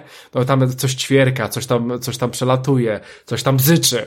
No okej, okay, tak, okej, okay, no dobra, mój pies się uspokoił, wyszedłem z tego lasu, wszedłem jeszcze raz, on znowu się wstał, wstał i znowu się tam gdzieś patrzy i szuka po całym e, pokoju, no nie? I po prostu wam chciałem powiedzieć, że muzyka w takim razie, przynajmniej w lesie, jest bardzo dobra. E, no i to tyle w tym temacie. Skoro mój pies reaguje, więc e, na pewno musiało być to dobre. Okej, okay, super. Więc tyle. Mi się bardzo podobało. E, Tomek, czy ty Pentimenta gdzieś tam się ocierałeś o niego, czy, czy, czy zostawiasz go na razie na półce szczytu? Przyznam się szczerze, że mam zainstalowane na, e, na komputerze, ale jako, że nie gram ostatnio na komputerze, to, to czeka na lepsze czasy. No zobaczymy w takim razie, co w święta wygra, czy Pentiment, czy nasza książka. Znaczy nie nasza, ale no jakby wiemy o co chodzi. Mm, dobra, no to w takim razie, żeby, żeby tak za bardzo Tomek nam nie przysnął. No tak, teraz Tomek. Przygotował. Tam było coś, coś ja tutaj miałem na rozpisce, tylko ja się zastanawiam, czy ja naprawdę chcę brnąć w te y, Call of Duty i, i, tego typu tematy. Zobaczymy, jak nam pójdzie w ogóle z tematem, bo ja się wolę bez stresu mm, skupić na jakimś dobrym mięsku i, i zależnie od tego, co. co Ale to, poczekaj, poczekaj, Rafał, bo ja, ja ci chcę tylko powiedzieć. Ja wchodzę teraz e, u siebie na Xboxa, patrzę, trzech znajomych gra w Call of Duty. Dobra, dobra, przechodzę na PlayStation, patrzę, sześciu znajomych gra w Call of Duty. I Oczywiście, no. Ja, ja to rozumiem. No, ale, ale. ale uważasz. Nie, no. Moje pytanie brzmi: no. czy uważasz, że ma jakiekolwiek dla nich znaczenie to, co my powiemy? Znaczy, ja jestem ciekaw po prostu przede wszystkim, e, jak wypadają. Nie, no, no to, to co Tomek ma. Wiesz, on, on i tak dużo o tym nie powie, a jestem ciekaw Warzone dwójki, bo, bo to jest premiera, na którym e, sporo osób czekało. Ja cały czas się wstrzymuję, żeby ściągać te 100 giga. Ja wszystko, że to jest free to play, to jest kurwa 100 giga. Teraz e, do Red Deada chcę sobie wrócić, ja więc teraz ściągam 100 giga. Ja 100 giga wczoraj ściągnąłem tylko po to, żeby pokazać e, kumplowi, jak w Horizonie wygląda trawa. Więc jakby transfer nie jest tutaj problemem. Ale okay, że no. ja prowadzę ten odcinek. No dobra, no. To. Znaczy ja chciałem, ja chciałem ruszymy. też zauważyć, że ja ściągnąłem Red Dead Redemption 2 e, tylko po to, żeby moja żona 5 minut przyjechała się na koniu. Więc... Ależ oczywiście, że tak. Jakby transfer, oczywiście y, ja znam i ja sam miałem ten problem i, i, dzięki Bogu już go nie mam, jak i wielu innych y, idących razem z tym problemem. Natomiast ja rozumiem, że ściąganie i pobieranie takiej gry dla kogoś będzie problemem, ale jeżeli dla kogoś to jest problemem, to raczej on też y, zawodnikiem do gry sieciowej kurwa nie jest, no jeżeli internet jest dla niego problemem. Więc z uwagi na to, że ostatnie odcinki, co Tomek nie przychodzi, to było Call of Duty. Najpierw beta, potem kurwa, potem coś jeszcze. Ja słuchałem tych odcinków potem. To dzisiaj koniec, basta. Tak było, Żadnego tak Call było. of Duty nie ma. Tak Jedziemy było. Pokemony, bo jestem okay. bardzo, bardzo Pokemon! jak bardzo zjebali tą grę, biorąc pod uwagę, jak mocno zjebali ostatnią, pomimo, że starali się zrobić coś nowego i w jaki sposób umysł graczy teraz sobie usprawiedliwia zjebanie tej gry, mówiąc, że jest zajebista. Proszę. A, z, y, zanim Tomek powie, to ja ci tylko, Rafał, powiem, czy ty wiesz, że on zebrał wszystkie Pokémony w tej grze? Wszystkie.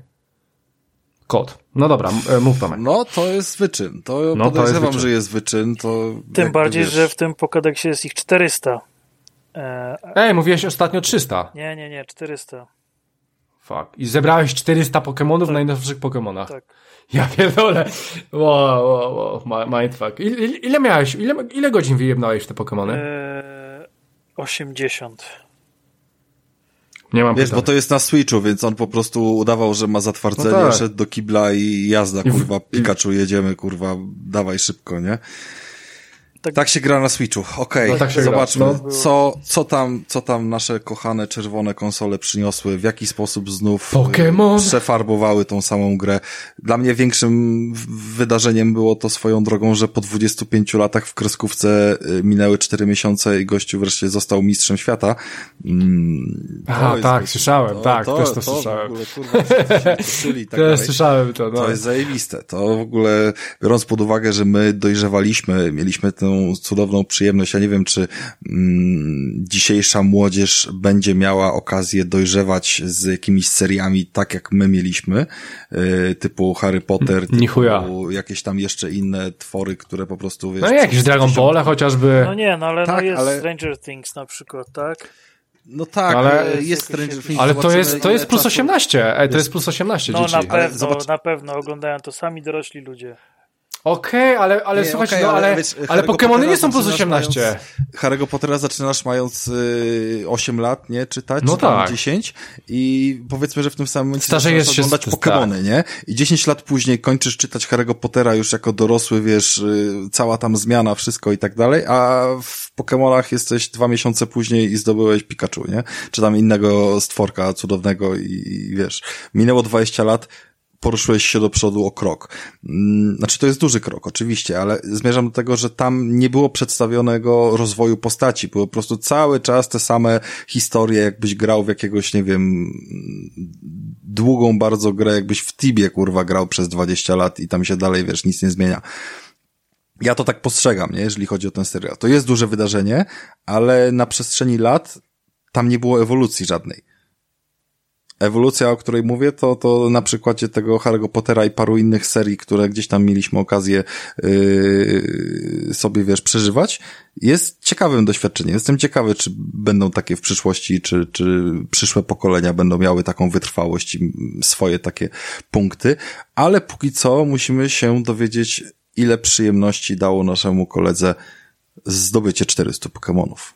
E, znaczy tak, no, wygląda to w ten sposób, że technicznie są to najgorsze Pokémony i e, Ale gorsze niż ostatnie Tak. najgorsze? No właśnie, Tak. bo te ostatnie chyba działały jak gówno, z tego co pamiętam. e, Bo, bo ja wtedy To- wysnułem to- odważną tezę, że oni zrobili nowy silnik i teraz go będą poprawiać przez 10 lat. Ja rozumiem, że to w drugą przy tych, stronę przy poszło. tych Pokémonach, e, tamte Pokémony to jest naprawdę cud techniki.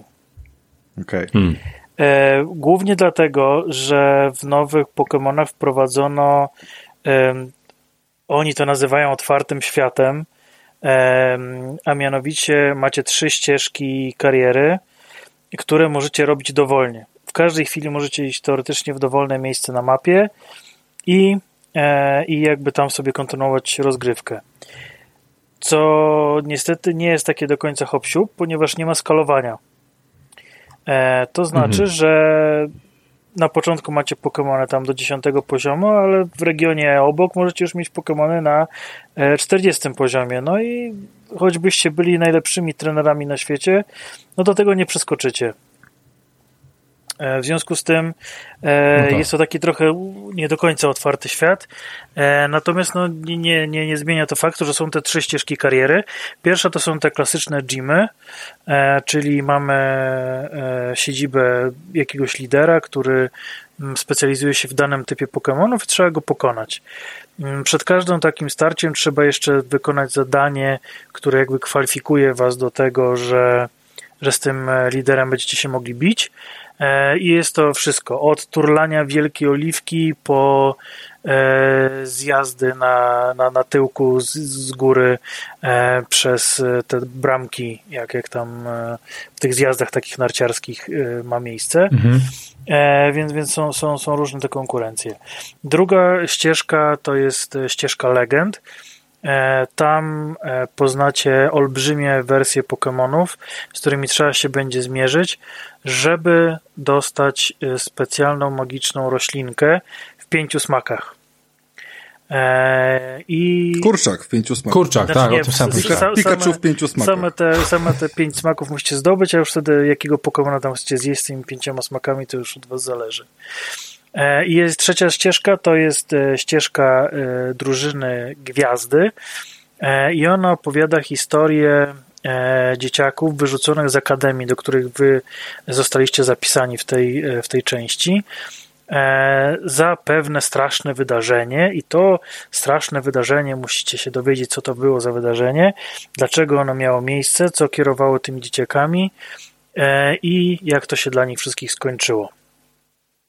E, I te trzy jakby ścieżki należy ukończyć, żeby odblokować finalną ścieżkę, która jakby zbiera te trzy dokupy i, i jakby prezentuje wam finał historii. E, kolejną nowością w tej grze jest ta sama ta akademia, w której odbywają się lekcje o Pokémonach.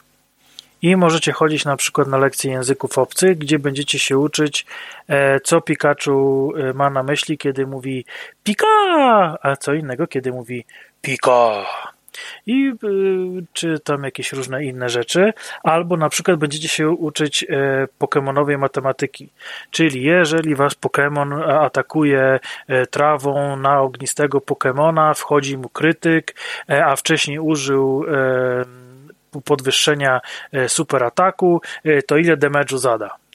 I potem z tych lekcji macie też egzaminy, E, no fajne, no to jest spoko. Więc, więc całkiem, całkiem to fajnie wygląda.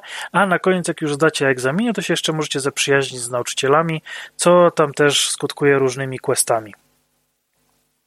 E, w tej części e, główną jakby atrakcją jest testralizacja, czy chyba tak.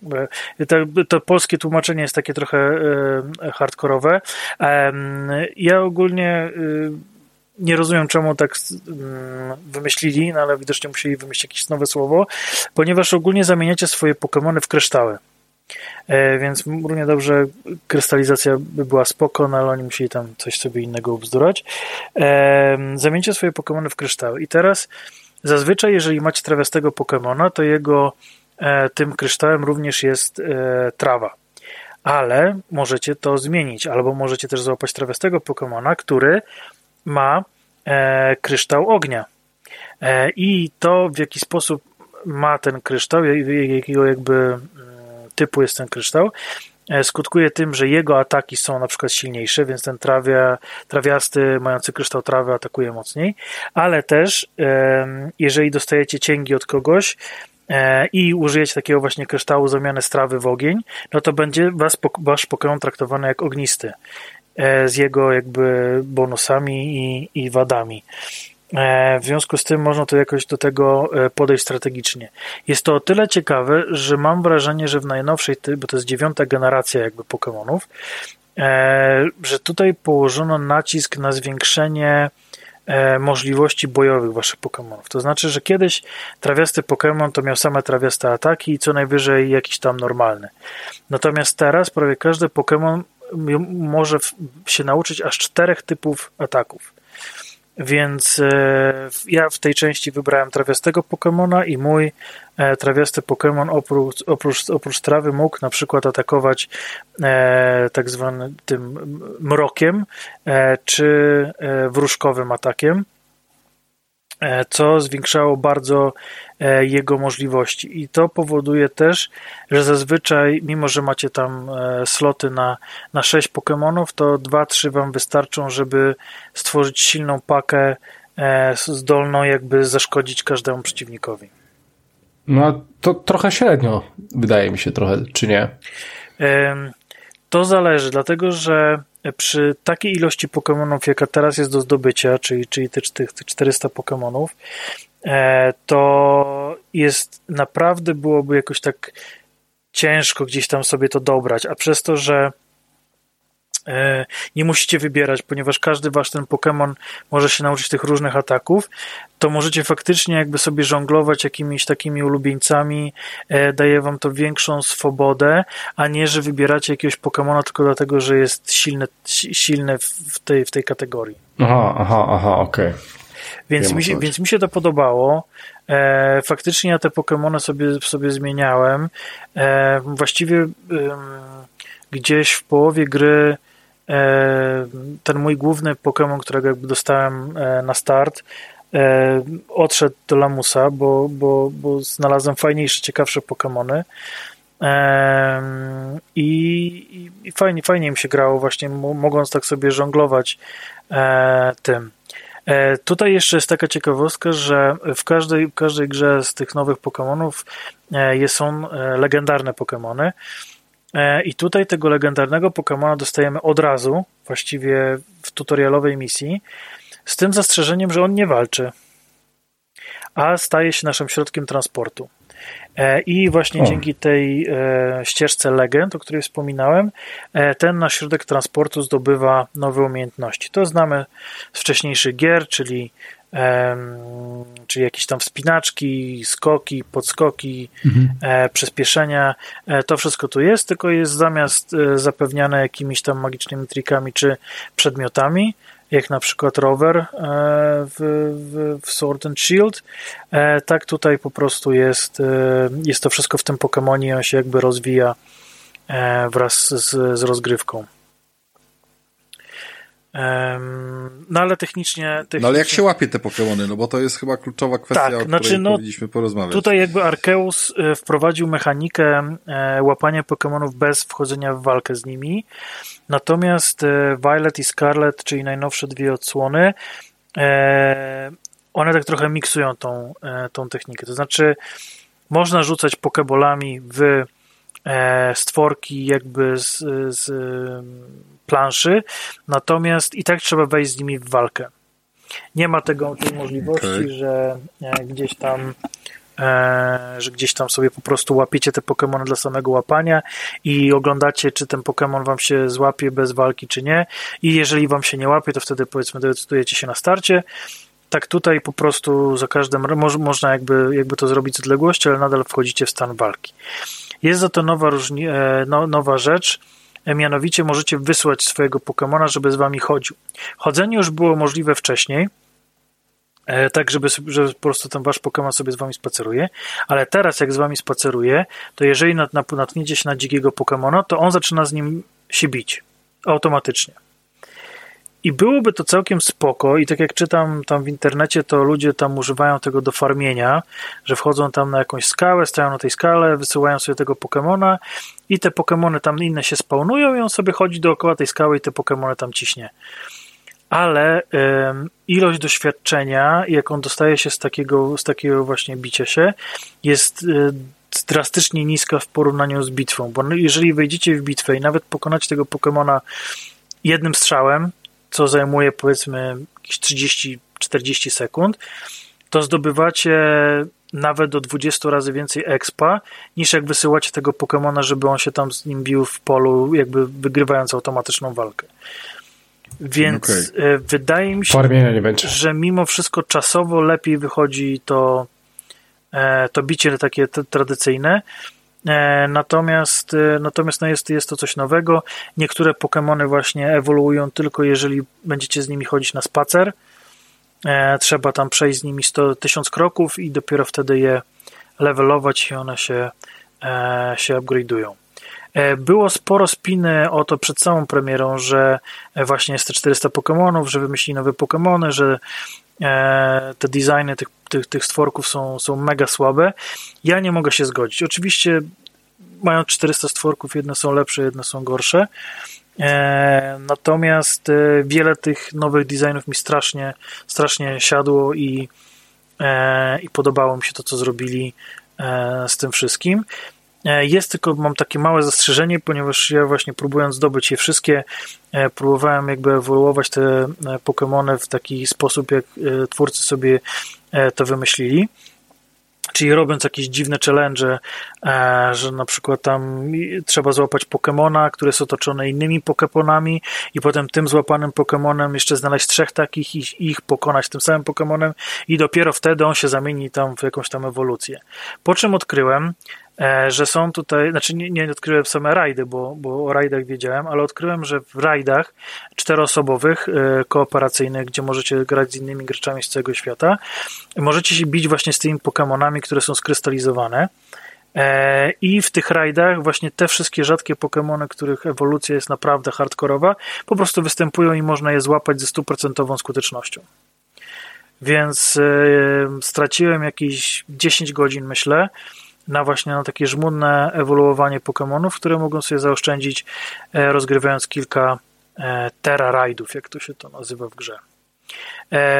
Oprócz właśnie tych kooperacyjnych starć, które są jakby stricte starciami, z takimi super wymaksowanymi Pokémonami z olbrzymią ilością życia i, i ciężkimi atakami, można też dołączyć do rozgrywki kogoś um, i sobie po prostu z nim łazić. Nie jest to idealne, e, gdyż e, każdy z Was właściwie gra swoją historię. Czyli jak ktoś walczy albo jak ktoś rozmawia, to nie wiemy, co się z tą postacią dzieje, czy z tą osobą dzieje, chyba że faktycznie siedzimy obok tej osoby. E, I druga rzecz, bo ja kupiłem dwie wersje, jedną dla siebie Violet, drugą dla córki Scarlet, bo jak pewnie e, Wam wiadomo, E, oni wypuszczają dwie wersje, ponieważ e, zawsze dla jednej wersji jest zarezerwowanych ileś tam Pokémonów, dla drugiej ileś. I... Nie, wypuszczają dwie wersje, bo chcą zarobić tak. więcej kasy. I żeby zdobyć je wszystkie, to teoretycznie musicie się wymienić. Tutaj jest o tyle dobrze, że właśnie dzięki... Ej, tak? Bo tak zastanawiam się, a nie lepiej byłoby ci kupić cyfrową jedną i byś zagrał sobie na dwóch konsolach i tak? Nie, właśnie o to chodzi, że musisz mieć je dwie różne żeby, A, bo nawet jeżeli wchodzi... No, ale to, to, to te 40, nie wiem, tam 200 czy 250 zł było warte, żeby mieć tego jednego Pokemona więcej? E, znaczy tutaj jeszcze była taka rzecz, że moja córka musiała zagrać w tę grę na premierę i ja musiałem zagrać w tę grę na premierę, w związku z tym jakby... Okej. Okay. No, plus, ciekawa plus sprawa. dostałem Steelbooka, więc y, jestem wygrany.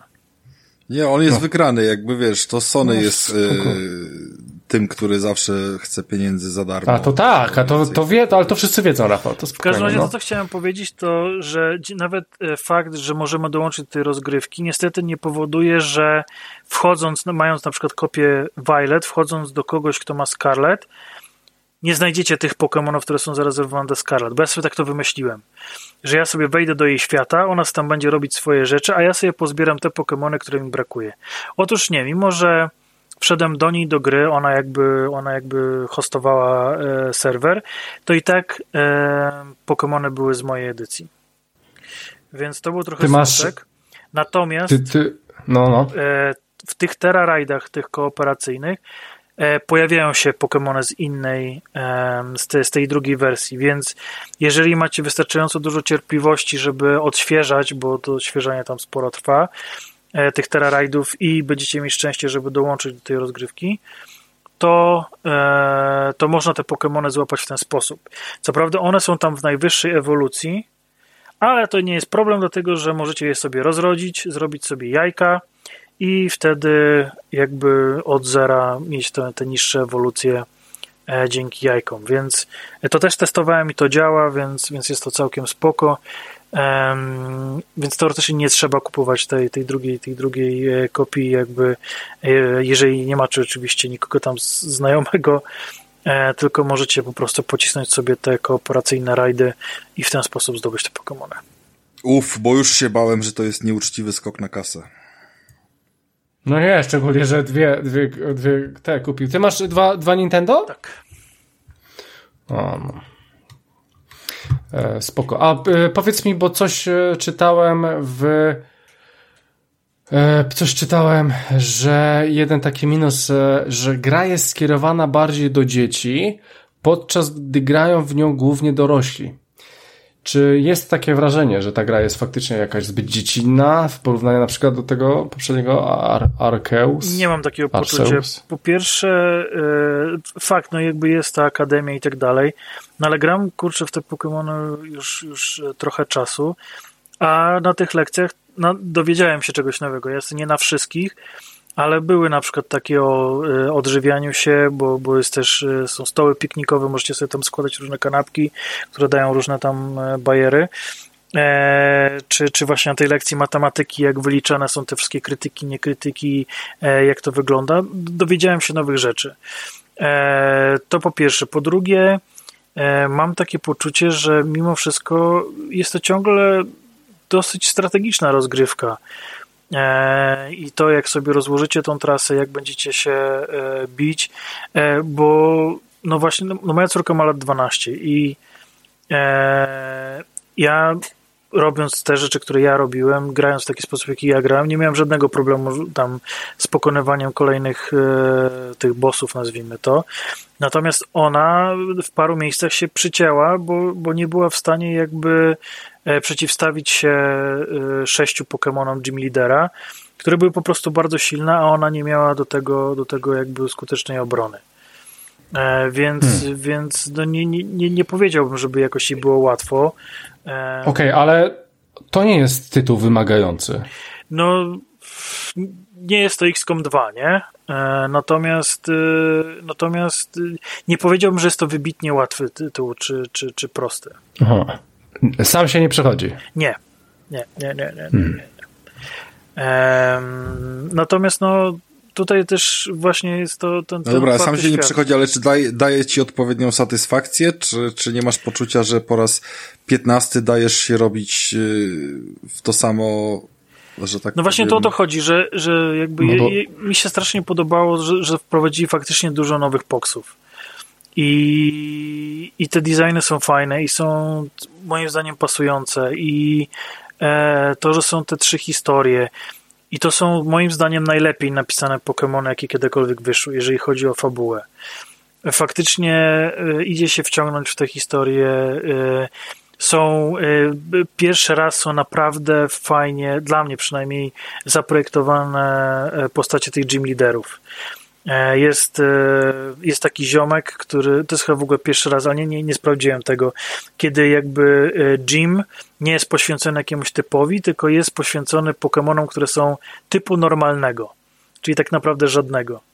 I tam jest taki ziomek Lary, który jest absolutnym korposzczurem i on przychodzi i mówi, nie chciałem z tobą walczyć, ale szefowa mi kazała, muszę tu być, e, to jest bez sensu, ale, ale no kazali mi, płacą mi za to, więc muszę wypełnić swoją robotę.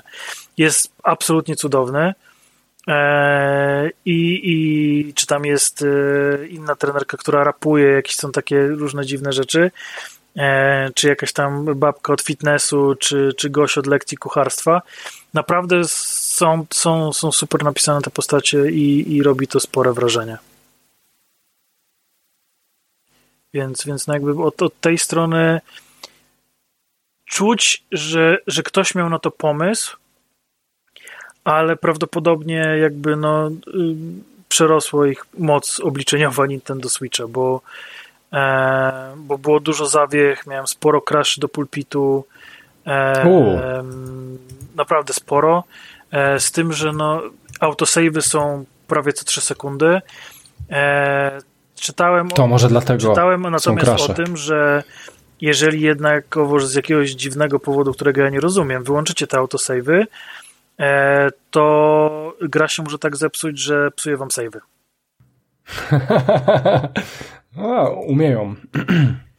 Um, umieją w Nintendo, e, ale to teraz e, jakbyś tak już miał e, kończyć, to są lepsze Pokémony niż te poprzednie? Bo chyba mi mówiłeś, że nie. Ale nie, Dla mnie poczekaj, nie. poczekaj, jakie kończyć? Nie. Okay, Dopiero dobra, zaczął okay, się dobra. rozkręcać. Dobra, sorry, dobra, okej, okay, okej, okay, już, już nic Ja cały czas czekam na to mięsko. Jakby dla mnie, dla co mnie... poza tymi save'ami tam jest spierdolone? Powiedziałeś, że to jest bardziej okay. zjebane niż poprzednia część. Nie, no tak, nie, no jakby... I jeszcze kupisz, kupić musisz dwa razy, pomimo, znaczy, no że zawsze, bo właściwie poza Arkousem zawsze trzeba było kupić dwa razy.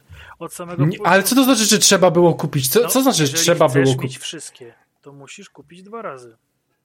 Trzeba, poczekaj, to, to niech ja zrozumiem. Czyli Pokémony kupuje się grę, żeby mieć je wszystkie.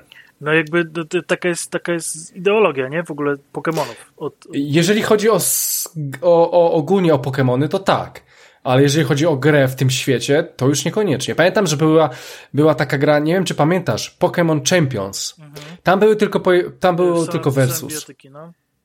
No, więc tam chyba nie wiem, czy mogłeś mieć wszystkie Pokémony. No nie, nie ale, ale nie. To... Mówię o, o, o Pokémonach, które są, że tak powiem, w klasycznym tego słowa jakby ujęciu. No dobra. Czyli przychodzisz, dostajesz jednego z trzech stworków, zabierasz go ze sobą na przygodę życia, bijesz gym liderów i potem zostajesz e, czempionem Pokémonów, co Ashowi zajęło jak wiemy, ponad 20 25 lat. lat. No.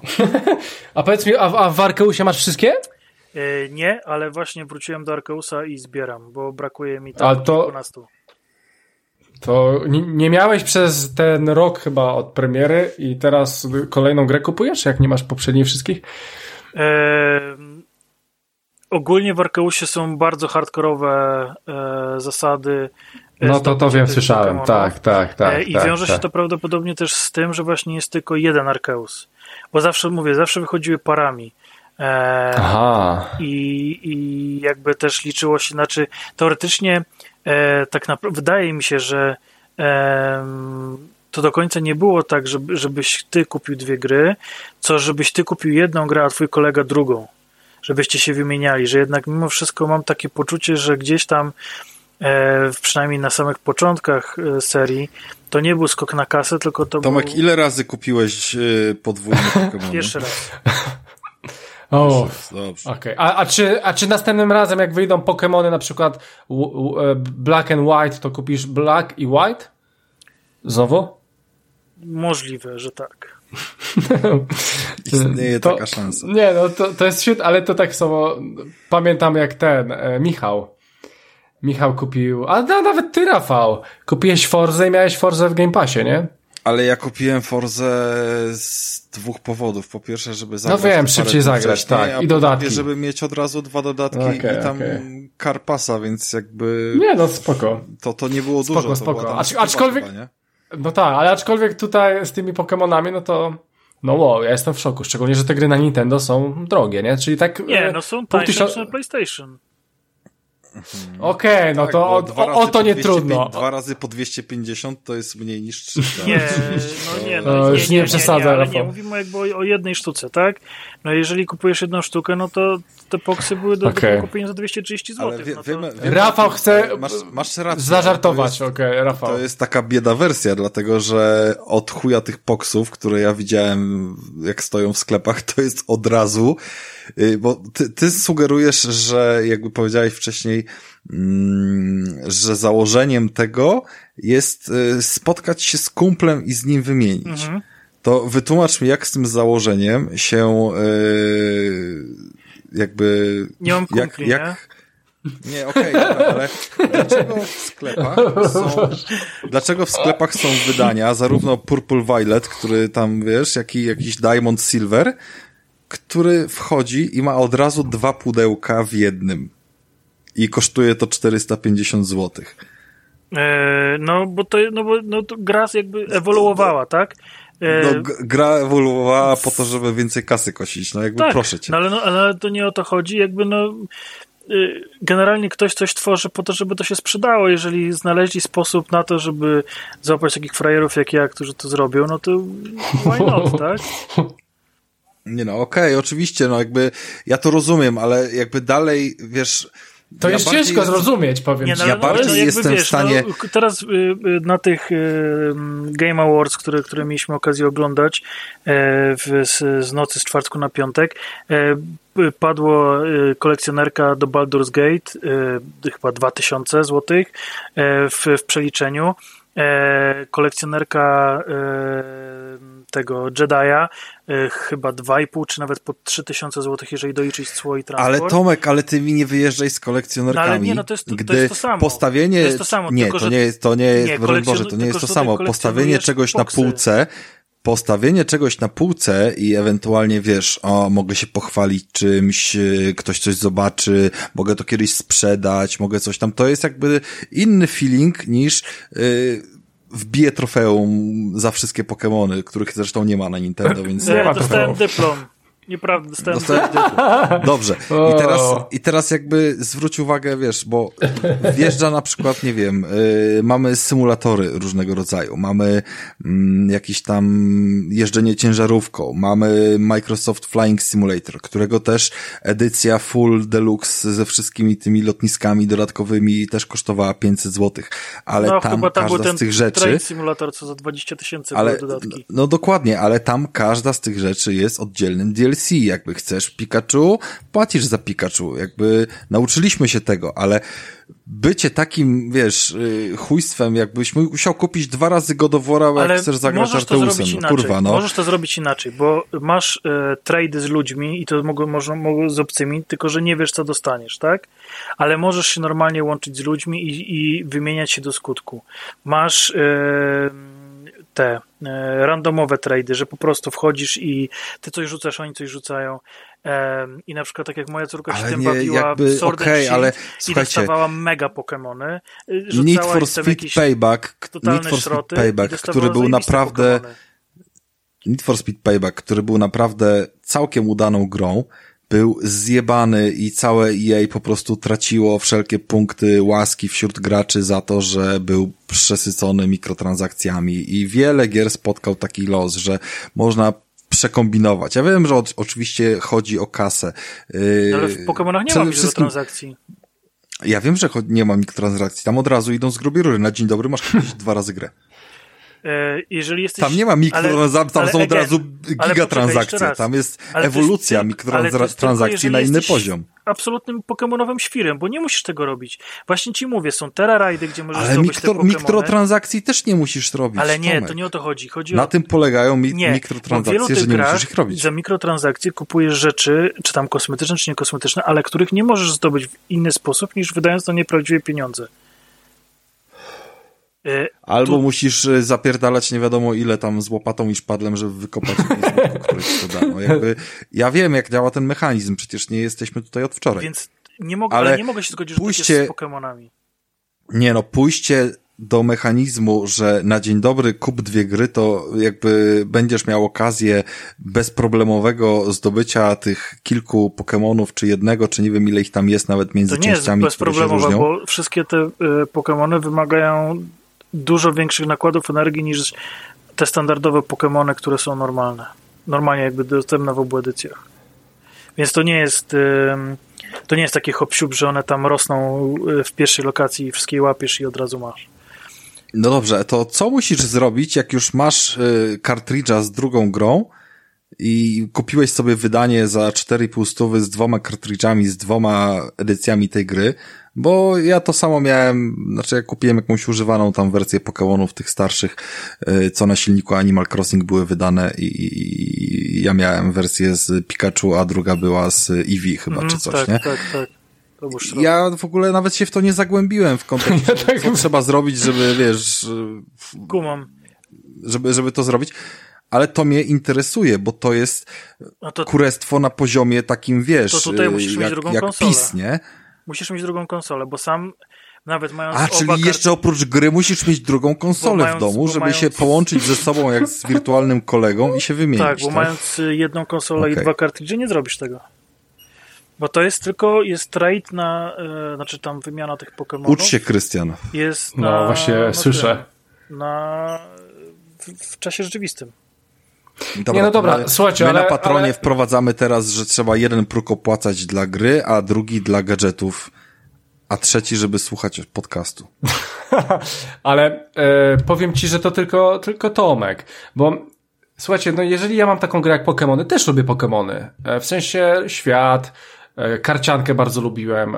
Te gry są też w porządku, bardziej nie mam na, na nie czasu, bo wolę coś innego, ale zawsze Pokémony były super. Zawsze. To i tak nie wyobrażam sobie, żebym miał tą grę dwa razy kupić, bo ja sobie kupię tą grę, przejdę, złapię tyle, ile złapię, zamknę tą fabułę, E, przejdę grę, sprzedam grę, koniec. E, ale myślę, że Tomek jest takim wyjątkowym przypadkiem, że on po prostu wziął się za zbieranie tych Pokemonów. Może faktycznie no, ta- tacy trufani tak robią. E, no i po prostu no, musiał te dwie gry kupić. Znaczy ogólnie to, ogólnie to rozumiem, ale no mózg rozjebany, no po prostu Nie, słuchajcie, ja też jestem w stanie zrozumieć wiele rzeczy, bo też mam na swoich półkach gry, które miałem kupione raz i kupiłem je drugi raz. W Wiedźmina chyba kupiłeś tam. Wiedźmina mam chyba ze cztery razy kupionego. Swoją drogą, swoją drogą, ja nie mogłem się odezwać, bo akurat y, odszedłem do komputera, gdy Tomek mówił o tym, że Switch ich ograniczył w kwestii możliwości technicznych, ale kurwa jakoś nie ograniczył ich przy Wiedźminie Trójce. O Jakoś Jezu. udało się zrobić Wiedźmina trójkę, Ja nie byłem w stanie a w niego Pokemony grać. jako studia... No co ty gadasz? Nie, Jakby no, po gry próbowałem, przyszedłem na próbowałem w tego Wiedźmina grać, to było dla mnie drama. Tak samo nowe Diablo, znaczy nowe, w sensie trójka na, na wydana na Switchu. No dla mnie to Nie, było na, absolutny na, na, na switchowe wydanie Wiedźmina nie dam złego słowa powiedzieć, nie w tym podcaście. To jakby, to jest uproszczona gra do granic, w sensie uproszczona y, graficznie, bo tam Graficznie. jest poprzycinany opór, ale ona chodzi dobrze i ona się nie tnie i to nie jest Mortal Kombat 11 na Switcha, to nie są Pokémony na Switcha wydane przez ekskluzywne studio, które powinno wyciskać ostatnie soki z tej konsoli i przemawia przez ciebie niestety Tomek jakaś taka miłość, wiesz, do zakrzywiona do tej marki, bo to trzeba powiedzieć wprost. Oni przez ekskluzywne studio nie potrafią tego zrobić. To jest tak jakby God of War ci klatkował na PS4. No i To jest jakby ta kategoria. No nie, no nie gadaj, no jakby, że ci tam źle coś, coś chodziło. Okej. E, to, e, Tomku, czy, czyli ja chcę zagrać sobie w Pokemony. Mam tego Switcha. Które mam kupić? Yy, Nie grałem jeszcze na Switchu w żadne. Więc yy, jeżeli nie grałeś w żadne, to uważam, że Grałem na, kiedyś na Game Boyu starym. to uważam, że w Blue i Red. kupić Sword and Shield. Znaczy albo jedno, albo drugie, bo to też są dwie nazwy. No, aha, czyli, s- czyli te jeszcze wcześniejsze. To dobrze, bo one chyba pierwsze- będą najtańsze. Pierwsze, pierwsze to Sword and Shield to były pierwsze Pokémony, które wyszły jako no, no, nowa gra, nie remaster na Switchu. A powiedz mi, one będą jeszcze wyglądały? No generalnie te Pokémony nigdy nie wyglądają, więc tak będą wyglądały. O Boże. Jest nieźle, słuchaj. Czyli, Jest czyli, czyli proponujesz, żeby po prostu od nich zacząć. E, jeżeli, jeżeli faktycznie dawno się nie grało, to tak. Arceus wprowadza... Ale to nie są najlepsze Pokémony na Switcha. Znaczy dla mnie najlepsze są Arceus. e, Jest to To Arceus. dlaczego nie, nie proponujesz mi tego Arkeusa? Dlatego, tylko, że Arceus wprowadza bardzo, bardzo dużo nowości. E, I jakby to Ale to nie taka... lepiej zacząć od razu od tych nowości? Nie, dlatego Nie, że no bo później- fa fani jakby ich nie przyjęli, nie spodobało im się to i uważali, że to jest profanacja. Ale No jakby... bo, ale my, ale no, Zobacz naszego my- Tomka, my gadaliśmy- który tego nie przeszedł. No, Tomek my nasz, gadaliśmy tego z nie naszym... No tak, ale no Tomek żadnych gier nie przechodzi. My Wiem, wiem, no. No ale my Okej. gadaliśmy z Tomkiem o tym Arteusie i ja bardzo szanowałem podejście nowe do tematu, że, że wiesz, że idziemy pod prąd i odświeżamy trochę serię i, i zróbmy właśnie tak, żeby trochę przyciągnąć nowych yy, graczy, no bo ja kupiłem jakieś te stare Pokémony, miałem poczucie, że nic poza grafiką z Animal Crossing się tutaj nie pojawiło i, i odpuściłem sobie granie w to, a jednak rozgrywka poza jakby tą grafiką i, i doczytywaniem i taką no jakby bolączką techniczną, to jakby sama kwintesencja rozgrywki, gdzie się biegało, gdzie można było właśnie łapać Pokemona z krzaków, jakaś skradanka, yy, kilka nowych mechanik, to wszystko było fajne i to mi się podobało. Jakby tamtą recenzję naprawdę miło wspominam i cały czas myślę, że może kiedyś, jeżeli w coś zagram na Switchu, to będą właśnie te, wiesz, Poksy, Atreusy, czy Arteusy, czy... No dobra. Słuchaj, e, moim zdaniem Tomek ma 2,5 miliarda godzin w Pokémonach, jeżeli on twierdzi, że Sword i to coś innego jest lepsze, Sword i Shield. Nie, to Tomek chce ci się- pokazać Sword i Shield, żeby ci No się wiem, spodobało, żebyś potem poszedł sobie po kolejną grę, kupił ją dwa razy, potem Czyli po kolejną tarczę, a później miecz kupię, albo najpierw miecz, a później tarczę. Na przykład. Na przykład. No, a wcale nie są takie tanie. Boże, te gry na Nintendo są, nie, nie tanieją. Spoko. No, Znaczy nie, co, jest, nie? jest, Bo, bo są gry na Nintendo, które już kosztują grosze. E, Ale, ale mówisz, że od tego zacząć. znaczy, no tak mi się dobra. wydaje, że to, bo to jest taki jakby faktycznie odświeżenie klasyki. E, nie ma tam jakichś drastycznych zmian. Dostaniesz to, co, że tak powiem, znasz, czy z serialu, czy, czy, czy właśnie z tych e, Red Blue dawno, dawno temu. E, a jednak dostaniesz trochę świeżości. E, tam są takie te cool e, Pokémony legendarne. Jest całkiem spoko fabuła. Dostaniesz tam jakieś przedmioty, rower, potem sobie ulepszysz ten O, rower. rower. E, więc, E, więc, te, te, po- te poksy się przechodzi. tak, tak, tak, tak. Tam jest normalnie jakby no, fabuła powiązana niejako z tymi gym leaderami, ale jest tam jakaś tak fabuła. Em, jeżeli dobrze pamiętam, to tam jest dynamaksowanie. czyli yy, tworzysz swoje, czy masz swojego Pokemona i jego powiększasz i robisz z niego Godzilla Pokemona. Nie. Tak, tak, spoko, tak właśnie przeglądam te, te Sword and Shield. Kurde, kolejna, kolejny minus, nie? Tragiczna grafika. W ogóle w tych, w tych Pokemonach to jest dramat. W każdych Pokemonach jest to samo. To jest, to jest Ale śmieszne. wiesz, bo jeżeli potem przychodzi ci Tomek i kupuje dwie gry i tak, nieważne jaka jest grafika, bo jest fanem. Znaczy nie, ja myślę, że preorder był brany, nie Tomek? Możliw. Możliw. Dwa razy nawet był brany. Możliw, tak. Więc e, no tak, w sumie tak. Dobra, no, ale... słuchajcie, to skoro jesteśmy tak. przy grach o przechujowej grafice, to ja mam dla was y, zajebistą grę i w ten sposób będziemy dzisiaj ostatnią recenzję na odcinku robili. Ale to Myśl... poczekaj, poczekaj, bo ja jeszcze chcę się spytać, Tomku, ogólnie polecasz te nowe Pokémony? E, polecam tylko najwierniejszym fanom, ponieważ naprawdę technicznie mogą was, e, jeżeli to będzie powiedzmy coś, co sobie tam chcieliście odpalić raz na jakiś czas czy coś, to wkurzy was to nie, niesamowicie. Liczba naprawdę hmm. kraszy, to jest chyba największa liczba kraszy, jakie ja miałem w jakimkolwiek tytule w tym wieku, w tym XXI wieku. to, okay. Piękne historie. Tak. Pokémon! Czy już Dobra. wszystkie masz? Wszystkie rodzaje błędów, niebieski ekran. 400 błędów. Dobra, słuchajcie, to no. zakończymy sobie ten no tak. odcinek tak. yy, taką jeszcze drobną recenzją, którą mogę wręcz powiedzieć, że będzie najważniejsza w tym odcinku, dlatego że każdy tą grę sprawdzi. I ja bym tutaj chciał pewną gwarancję. A, wiem o co ci chodzi. O to, co graliśmy? Nie, nie o to, Aha. co graliśmy. Aha, no dobra, to nie wiem. Nie o to, co graliśmy, nie o to, co mi chodzi. Yy, powiem ci tak, gra trafiła do Game Passa, z tego, co moja skromna wiedza wow. yy, potrafi powiedzieć, ale nie jest to zbyt szczególny wyczyn, bo gra jest darmowa na komórki. Więc. Yy... No dobra, dobra, nie ma go na PlayStation za darmo, więc nie pierdol. Już, okay. już. Słuchajcie, y, jest Lola. coś takiego i to powstało niedawno i to jest naprawdę tytuł, który można określić indykiem roku, moim zdaniem.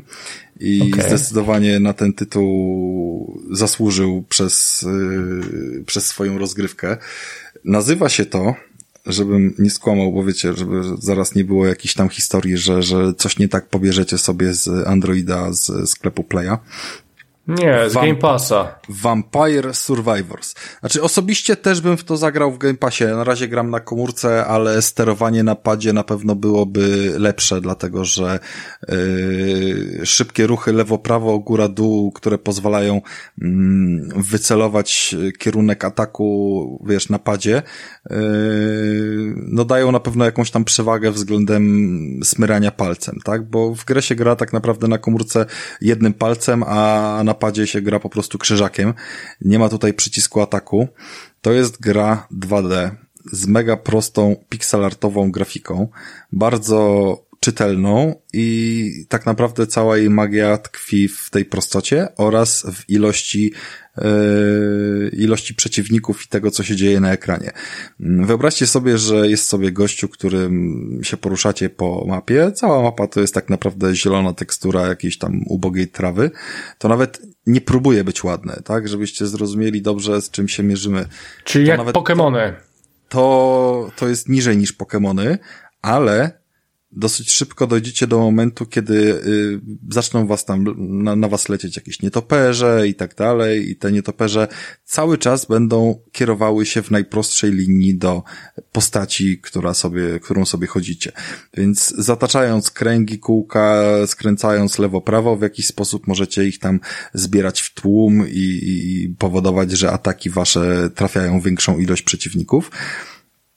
I cała mechanika ataków jest e, czymś, co mi się najbardziej kojarzy z tak zwanymi klikerami, nie? że masz e, atak e, obszarowy tak zwanym biczem jako twoją podstawową bronią w pierwszej postaci, która po prostu smaga tym biczem raz na sekundę i jeżeli we właściwym kierunku jesteś skierowany, lewo-prawo, no to trafisz tym biczem yy, tych wrogów, którzy do ciebie próbują właśnie w twoim kierunku zmierzać, nie? Żeby ci zadawać obrażenia. Oczywiście te obrażenia ci zadają po prostu wchodząc na ciebie i, i wtedy ta postać traci, mm, traci punkty zdrowia.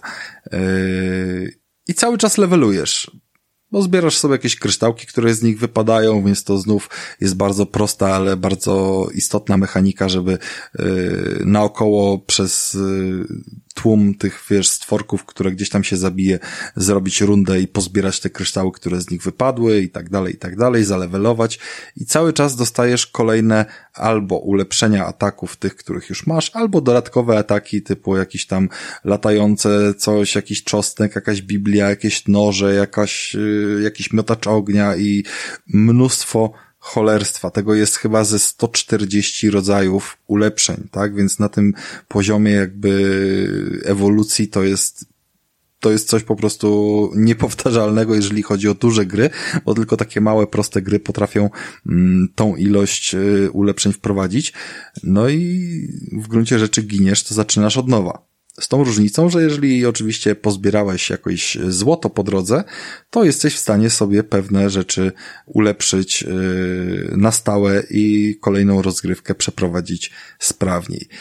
I to tak cholernie wciąga, że nie wiem, czy jakakolwiek gra jest was w stanie wciągnąć. To, że ta gra wyszła na komórki powoduje, że wasze posiedzenia w kiblu będą od razu z automatu dłuższe, tak jak długa będzie wasza rozgrywka tego nie da się uniknąć. Znaczy oczywiście jest menu pauzy i oczywiście przy różnego rodzaju ulepszeniach ta gra się też pauzuje, więc być może wstaniecie z tego kibla i się przeniesiecie gdzieś tam na kanapę, ale gry na pewno nie wyłączycie, bo nie da się jej przed y, ukończeniem rozgrywki po prostu ukończyć i oderwać się od niej, bo tak bardzo wciąga pomimo wszelkich banałów, jeżeli chodzi o grafikę, jeżeli chodzi o, o teoretycznie te mechaniki, tutaj mamy ten y, magiczny artefakt nieskończonej miodności, który powoduje, że po prostu nie jesteśmy w stanie się od tego oderwać.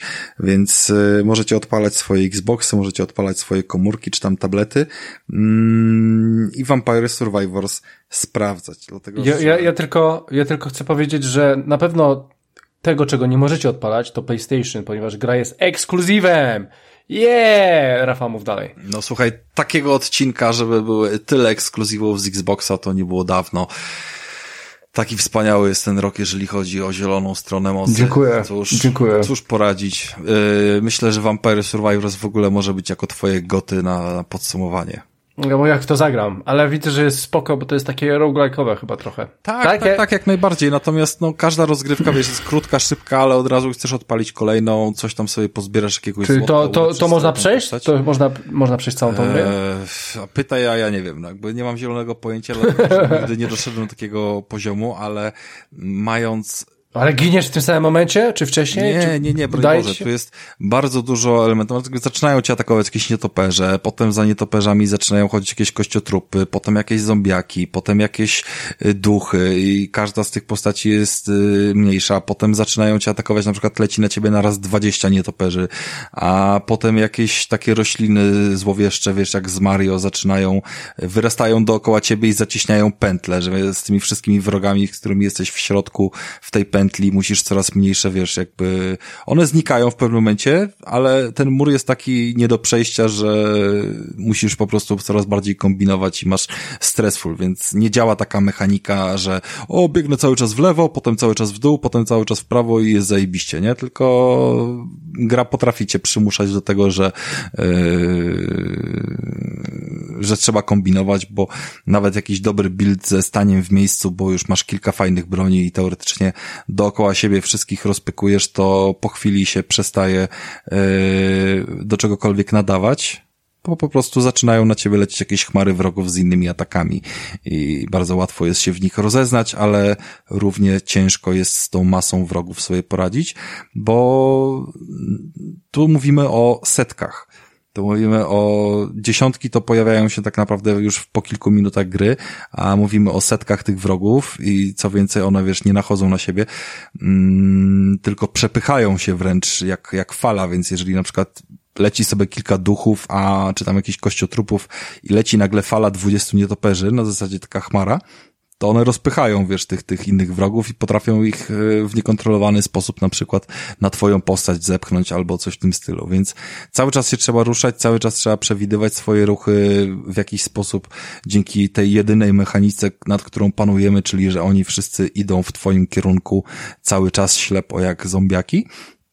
to po prostu mm, cały czas sobie tą mechanikę próbujemy udoskonalać, plus yy, więcej broni odblokowywać, ulepszać sobie, wiesz, jakieś nasze podstawowe statystyki i kolejną rozgrywkę prowadzić jeszcze lepiej i kolejne jakieś tam buildy robić, które się pojawiają, albo nowe, albo nasze znane, coraz więcej, coraz więcej. No jakby tego levelowania jest od groma, yy, dochodzimy do momentów, kiedy wiesz, jednym ciosem i na każdą sekundę zabijamy dziesiątki wrogów i dookoła nas sieje się pożoga i jesteśmy jeszcze lepszym kozakiem niż yy, w Dumie, niż Kratos, niż ktokolwiek yy, z takich postaci, które po prostu potrafią rozpierdalać wszystko dookoła siebie a mimo to i tak zawsze giniemy, ale to daje niesamowitą satysfakcję i to jest naprawdę fajny, dobry, niszowy tytuł, kosztuje grosze, to na Steamie kosztuje chyba 4 dolary, na Xboxie jest za friko, na komórkach jest za friko. A na PlayStation nie kosztuje.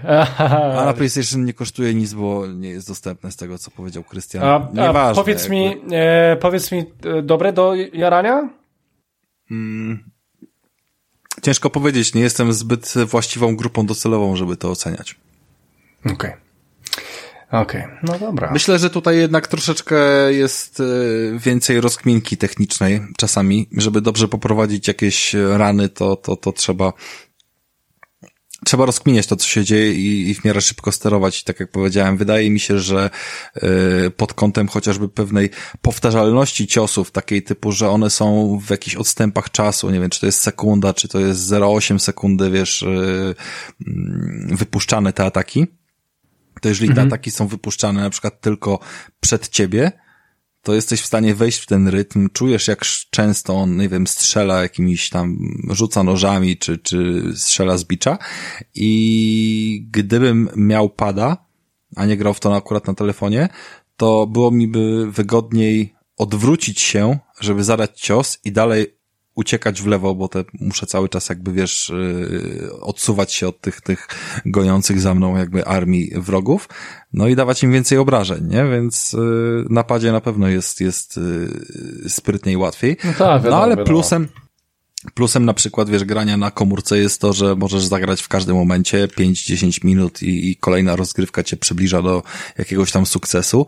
Plus, yy, no nie wiem, nie wiem jak jest na dużych konsolach czy na PC-cie, ale na komórkach standard yy, darmowy gry powoduje, że możemy sobie zrobić respawn yy, za jakieś tam obejrzenie reklamy czy coś w tym stylu. Więc to jest zawsze bonus, bo to nie kosztuje dużo, a pozwala jeszcze, jeszcze tego przeciągnąć rana. Nie wiem, czy to jest opcja dostępna na, na dużych sprzętach, gdzie się płaci te parę złotych, ale zdecydowanie to jest coś, za co te parę złotych warto byłoby zapłacić. Tak, tak. I naprawdę, naprawdę coś takiego drobnego, ale to jest odkrycie, polecam. Myślę, żebym nie spojrzał na ten tytuł, gdyby się... Yy... Nie ujawił oni w Game Passie. No taki jest Game Pass, Rafał, ja wiem. Miałem powiedzieć, że gdyby go nie zrecenzowały pewne znane w środowisku naszym polskim osoby, ale okej, okay, niech będzie tak, Game Pass, o, król, no. oczywiście. E, ja, w ogóle, ja w ogóle mam pytanie do Tomka. Tomek, lubisz takie roguelike'i, tego typu gry? E, kiedyś lubiłem, ale obecnie już nie starczy mi czasu na granie w nie. Aha, czyli wolisz po prostu zebrać 400 Pokémonów. On do kibla zabiera Switcha. Proszę mu nie przeszkadzać w tej czynności. Okej. Okay.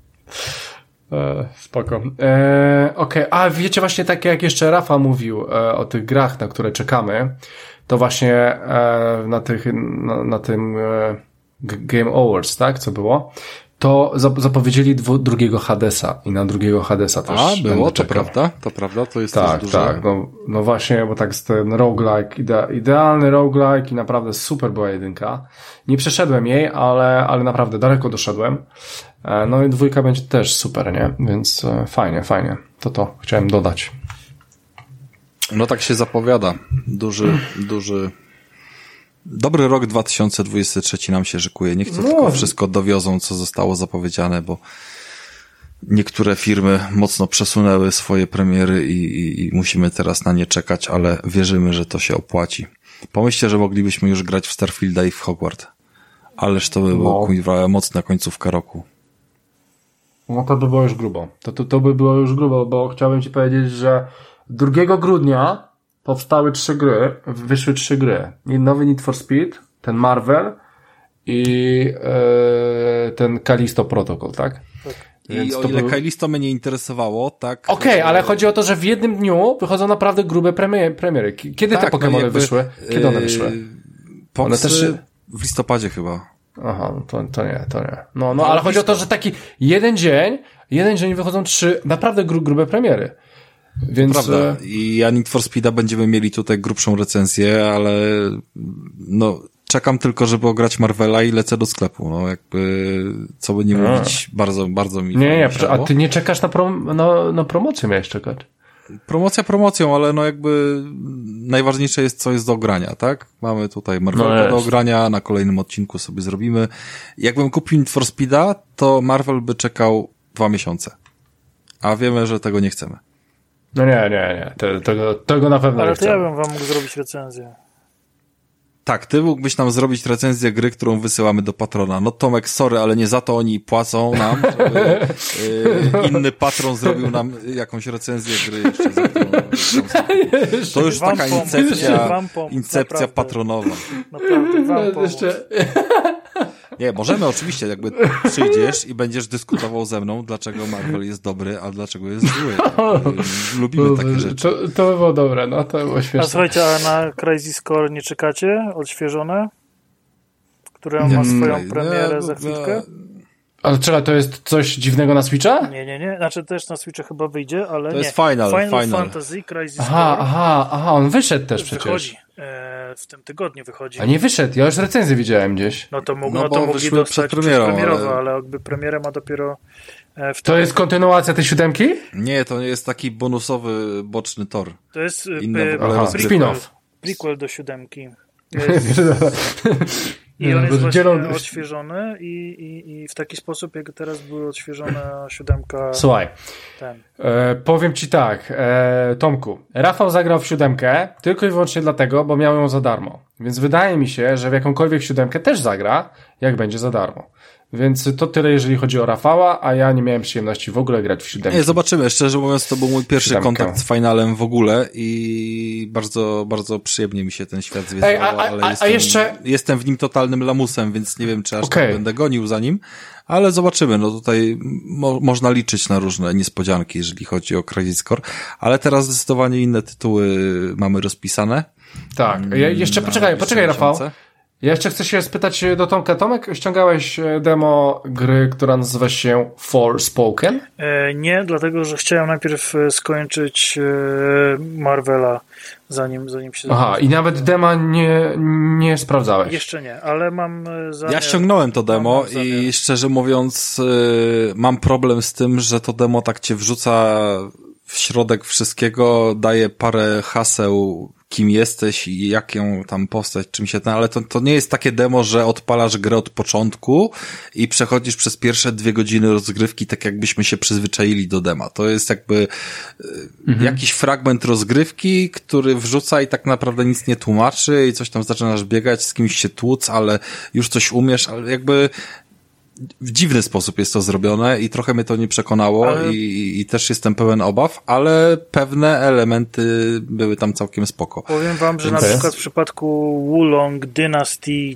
coś tam, bo to jest No. zajebiście długi tytuł gry, e, W Game Passie za darmo no mów. e, demko właśnie e, na PlayStation było od zera.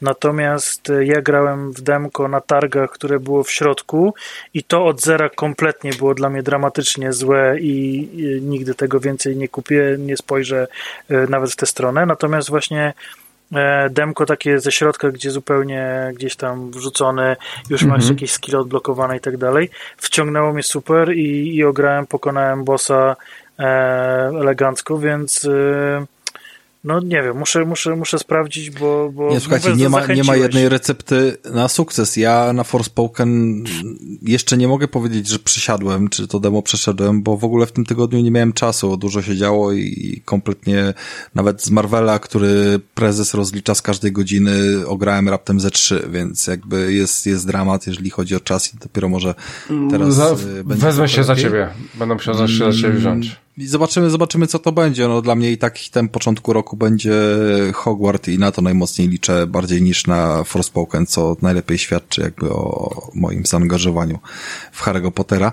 Hmm, chciałem tylko powiedzieć jeszcze, że mamy pewien dobry sygnał, dlatego że e, Need for Speed, który wyszedł, jest e, tylko na nowe konsole, jakby nowej generacji.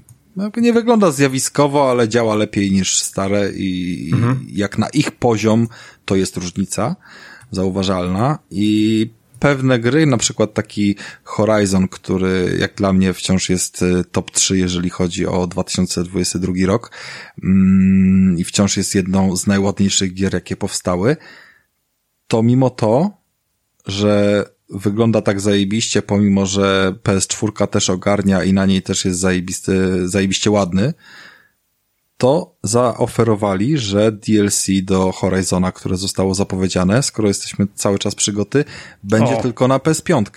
I to, to jest ciekawe. To spoko. To tak jak w, w Cyberpunku, nie? Cyberpunk tak, tak jak w Cyberpunku, dokładnie. I to jest drugi po Cyberpunku. Tylko wiesz, jeszcze nic nie zobaczyliśmy z tego Ale to dobrze, ani to, to dobrze będzie to świadczy. Ale to jest dobry sygnał, że tak, tak odcinamy tak, się od ograniczeń i spróbujemy jakiś nawet obszar mapy czy coś w tym stylu pokazać, który, yy, w który jeszcze coś tam chcemy, wiesz, umieścić, załóżmy z naszych pomysłów, których wcześniej tam nie, nie było. Więc liczę na to, no. że faktycznie ten, ten kolejny rok pokaże nam wreszcie więcej tytułów i że już naprawdę będziemy liczyli na palcach nie te, które wyszły next genowo, tylko te, które utrzymują jeszcze przy życiu y, Xboxa PS4 podstawową.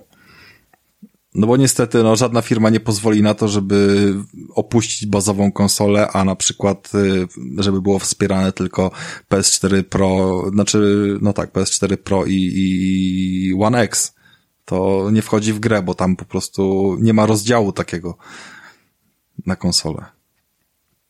Dobra, e, chyba będziemy zawijać do brzegu, Rafał. No to zawijamy do brzegu, niech tak będzie. 225 odcinek, pięknie czas leci. Szkoda, że nie było Mikołaja, ale odwiedziłem kolegę bardzo był biedny, jeszcze siedzi w Kratosie i niestety nie mógł być tutaj dzisiaj z nami, za co go serdecznie nie pozdrawiamy. Eee, miejmy nadzieję, że w kolejnym odcinku będzie lepiej i dzięki temu mieliśmy okazję pogadać z Tomkiem o fantastycznych Pokémonach i nie pogadać o Call of Duty. Aczkolwiek ja trochę żałuję i tak. No ale Tomek też musi mieć powód, żeby tutaj do nas wrócić. Ja proponuję, że w kolejnym odcinku zrobimy sobie y, update do tego odcinka, ale on będzie nie skupiony na Call of Duty, tylko zrobimy sobie podsumowanie różnych FPS-ów i ty będziesz bronił sobie na przykład y, Halo, przy kolejnej aktualizacji. Tomek nam popowiada o Warzone i kodzie nowym, a jeszcze kogoś może ogarniemy, kto ogarnia, ogarnia Battlefielda i no dowiemy się, czy ta gra w ogóle jeszcze żyje. Nie, ty nie możesz gadać o dwóch grach, bo nie będziesz wtedy... Nie zapłacimy ci aż tyle, nie, nie, nie. Jedna gra ci wystarczy. Chłopaki święta. Ale właśnie o to chodzi, żeby te zdania, wiesz... Zarobić, nie tak. O to chodzi Tomek, żeby na wiesz, te zdania były podzielone, ale mam, mam na to pewną koncepcję, znam kogoś, kto Battlefielda ogarnia i miejmy nadzieję, że może wtedy te zdania jakoś sobie wymiksujemy, więc kto wie, może, może kolejny albo jeszcze następny odcinek przyniesie nam taki materiał, bo samo pierdolenie o Call of Duty nic nie wniesie, samo gadanie Krystiana o Halo też nic nie wniesie, ale materiał, który by powiedział sobie o tym, jak trzy najbardziej y, znane i kasowe FPS-y sobie radzą, to myślę, że jest dobry temat. Okej. Okay. Podejmujecie no? wyzwanie? Będziecie nie, teraz się... Nie, nie, ja, ja mam swoje rzeczy do Ja nie mam czasu na takie rzeczy, Rafał. No ale przecież i tak grasz w to Halo. No nie, no akurat aktualnie nie gram. No ale Boże, święty, przecież wyjdzie ja update. mam za dużo gier, dzieciaku, ja mam za dużo gier do podcastu do grania. Ja... Tak, za dużo gier masz do podcastu do grania. Właśnie powiedziałeś, że przeszedłeś y, dodatek do Gearsów. Okej, okay, bo, bo to był taki, wiesz, przerywnik mały, tak? No, Rafał, czy... kupiłem, kupiłem przez ostatni miesiąc e, trzy gry na PlayStation 5, w tym dwie nowości prawie na premierę. Więc nie będę grał w Halo, bo nie mam na to czasu. Słuchajcie, a propos kupowania gier podwójnie, tak jak Pokémony y, wychodzą w dwóch zestawach, to Krystian kupił dwa razy God of War'a i to musimy... Dobra, czy my już to możemy skończyć?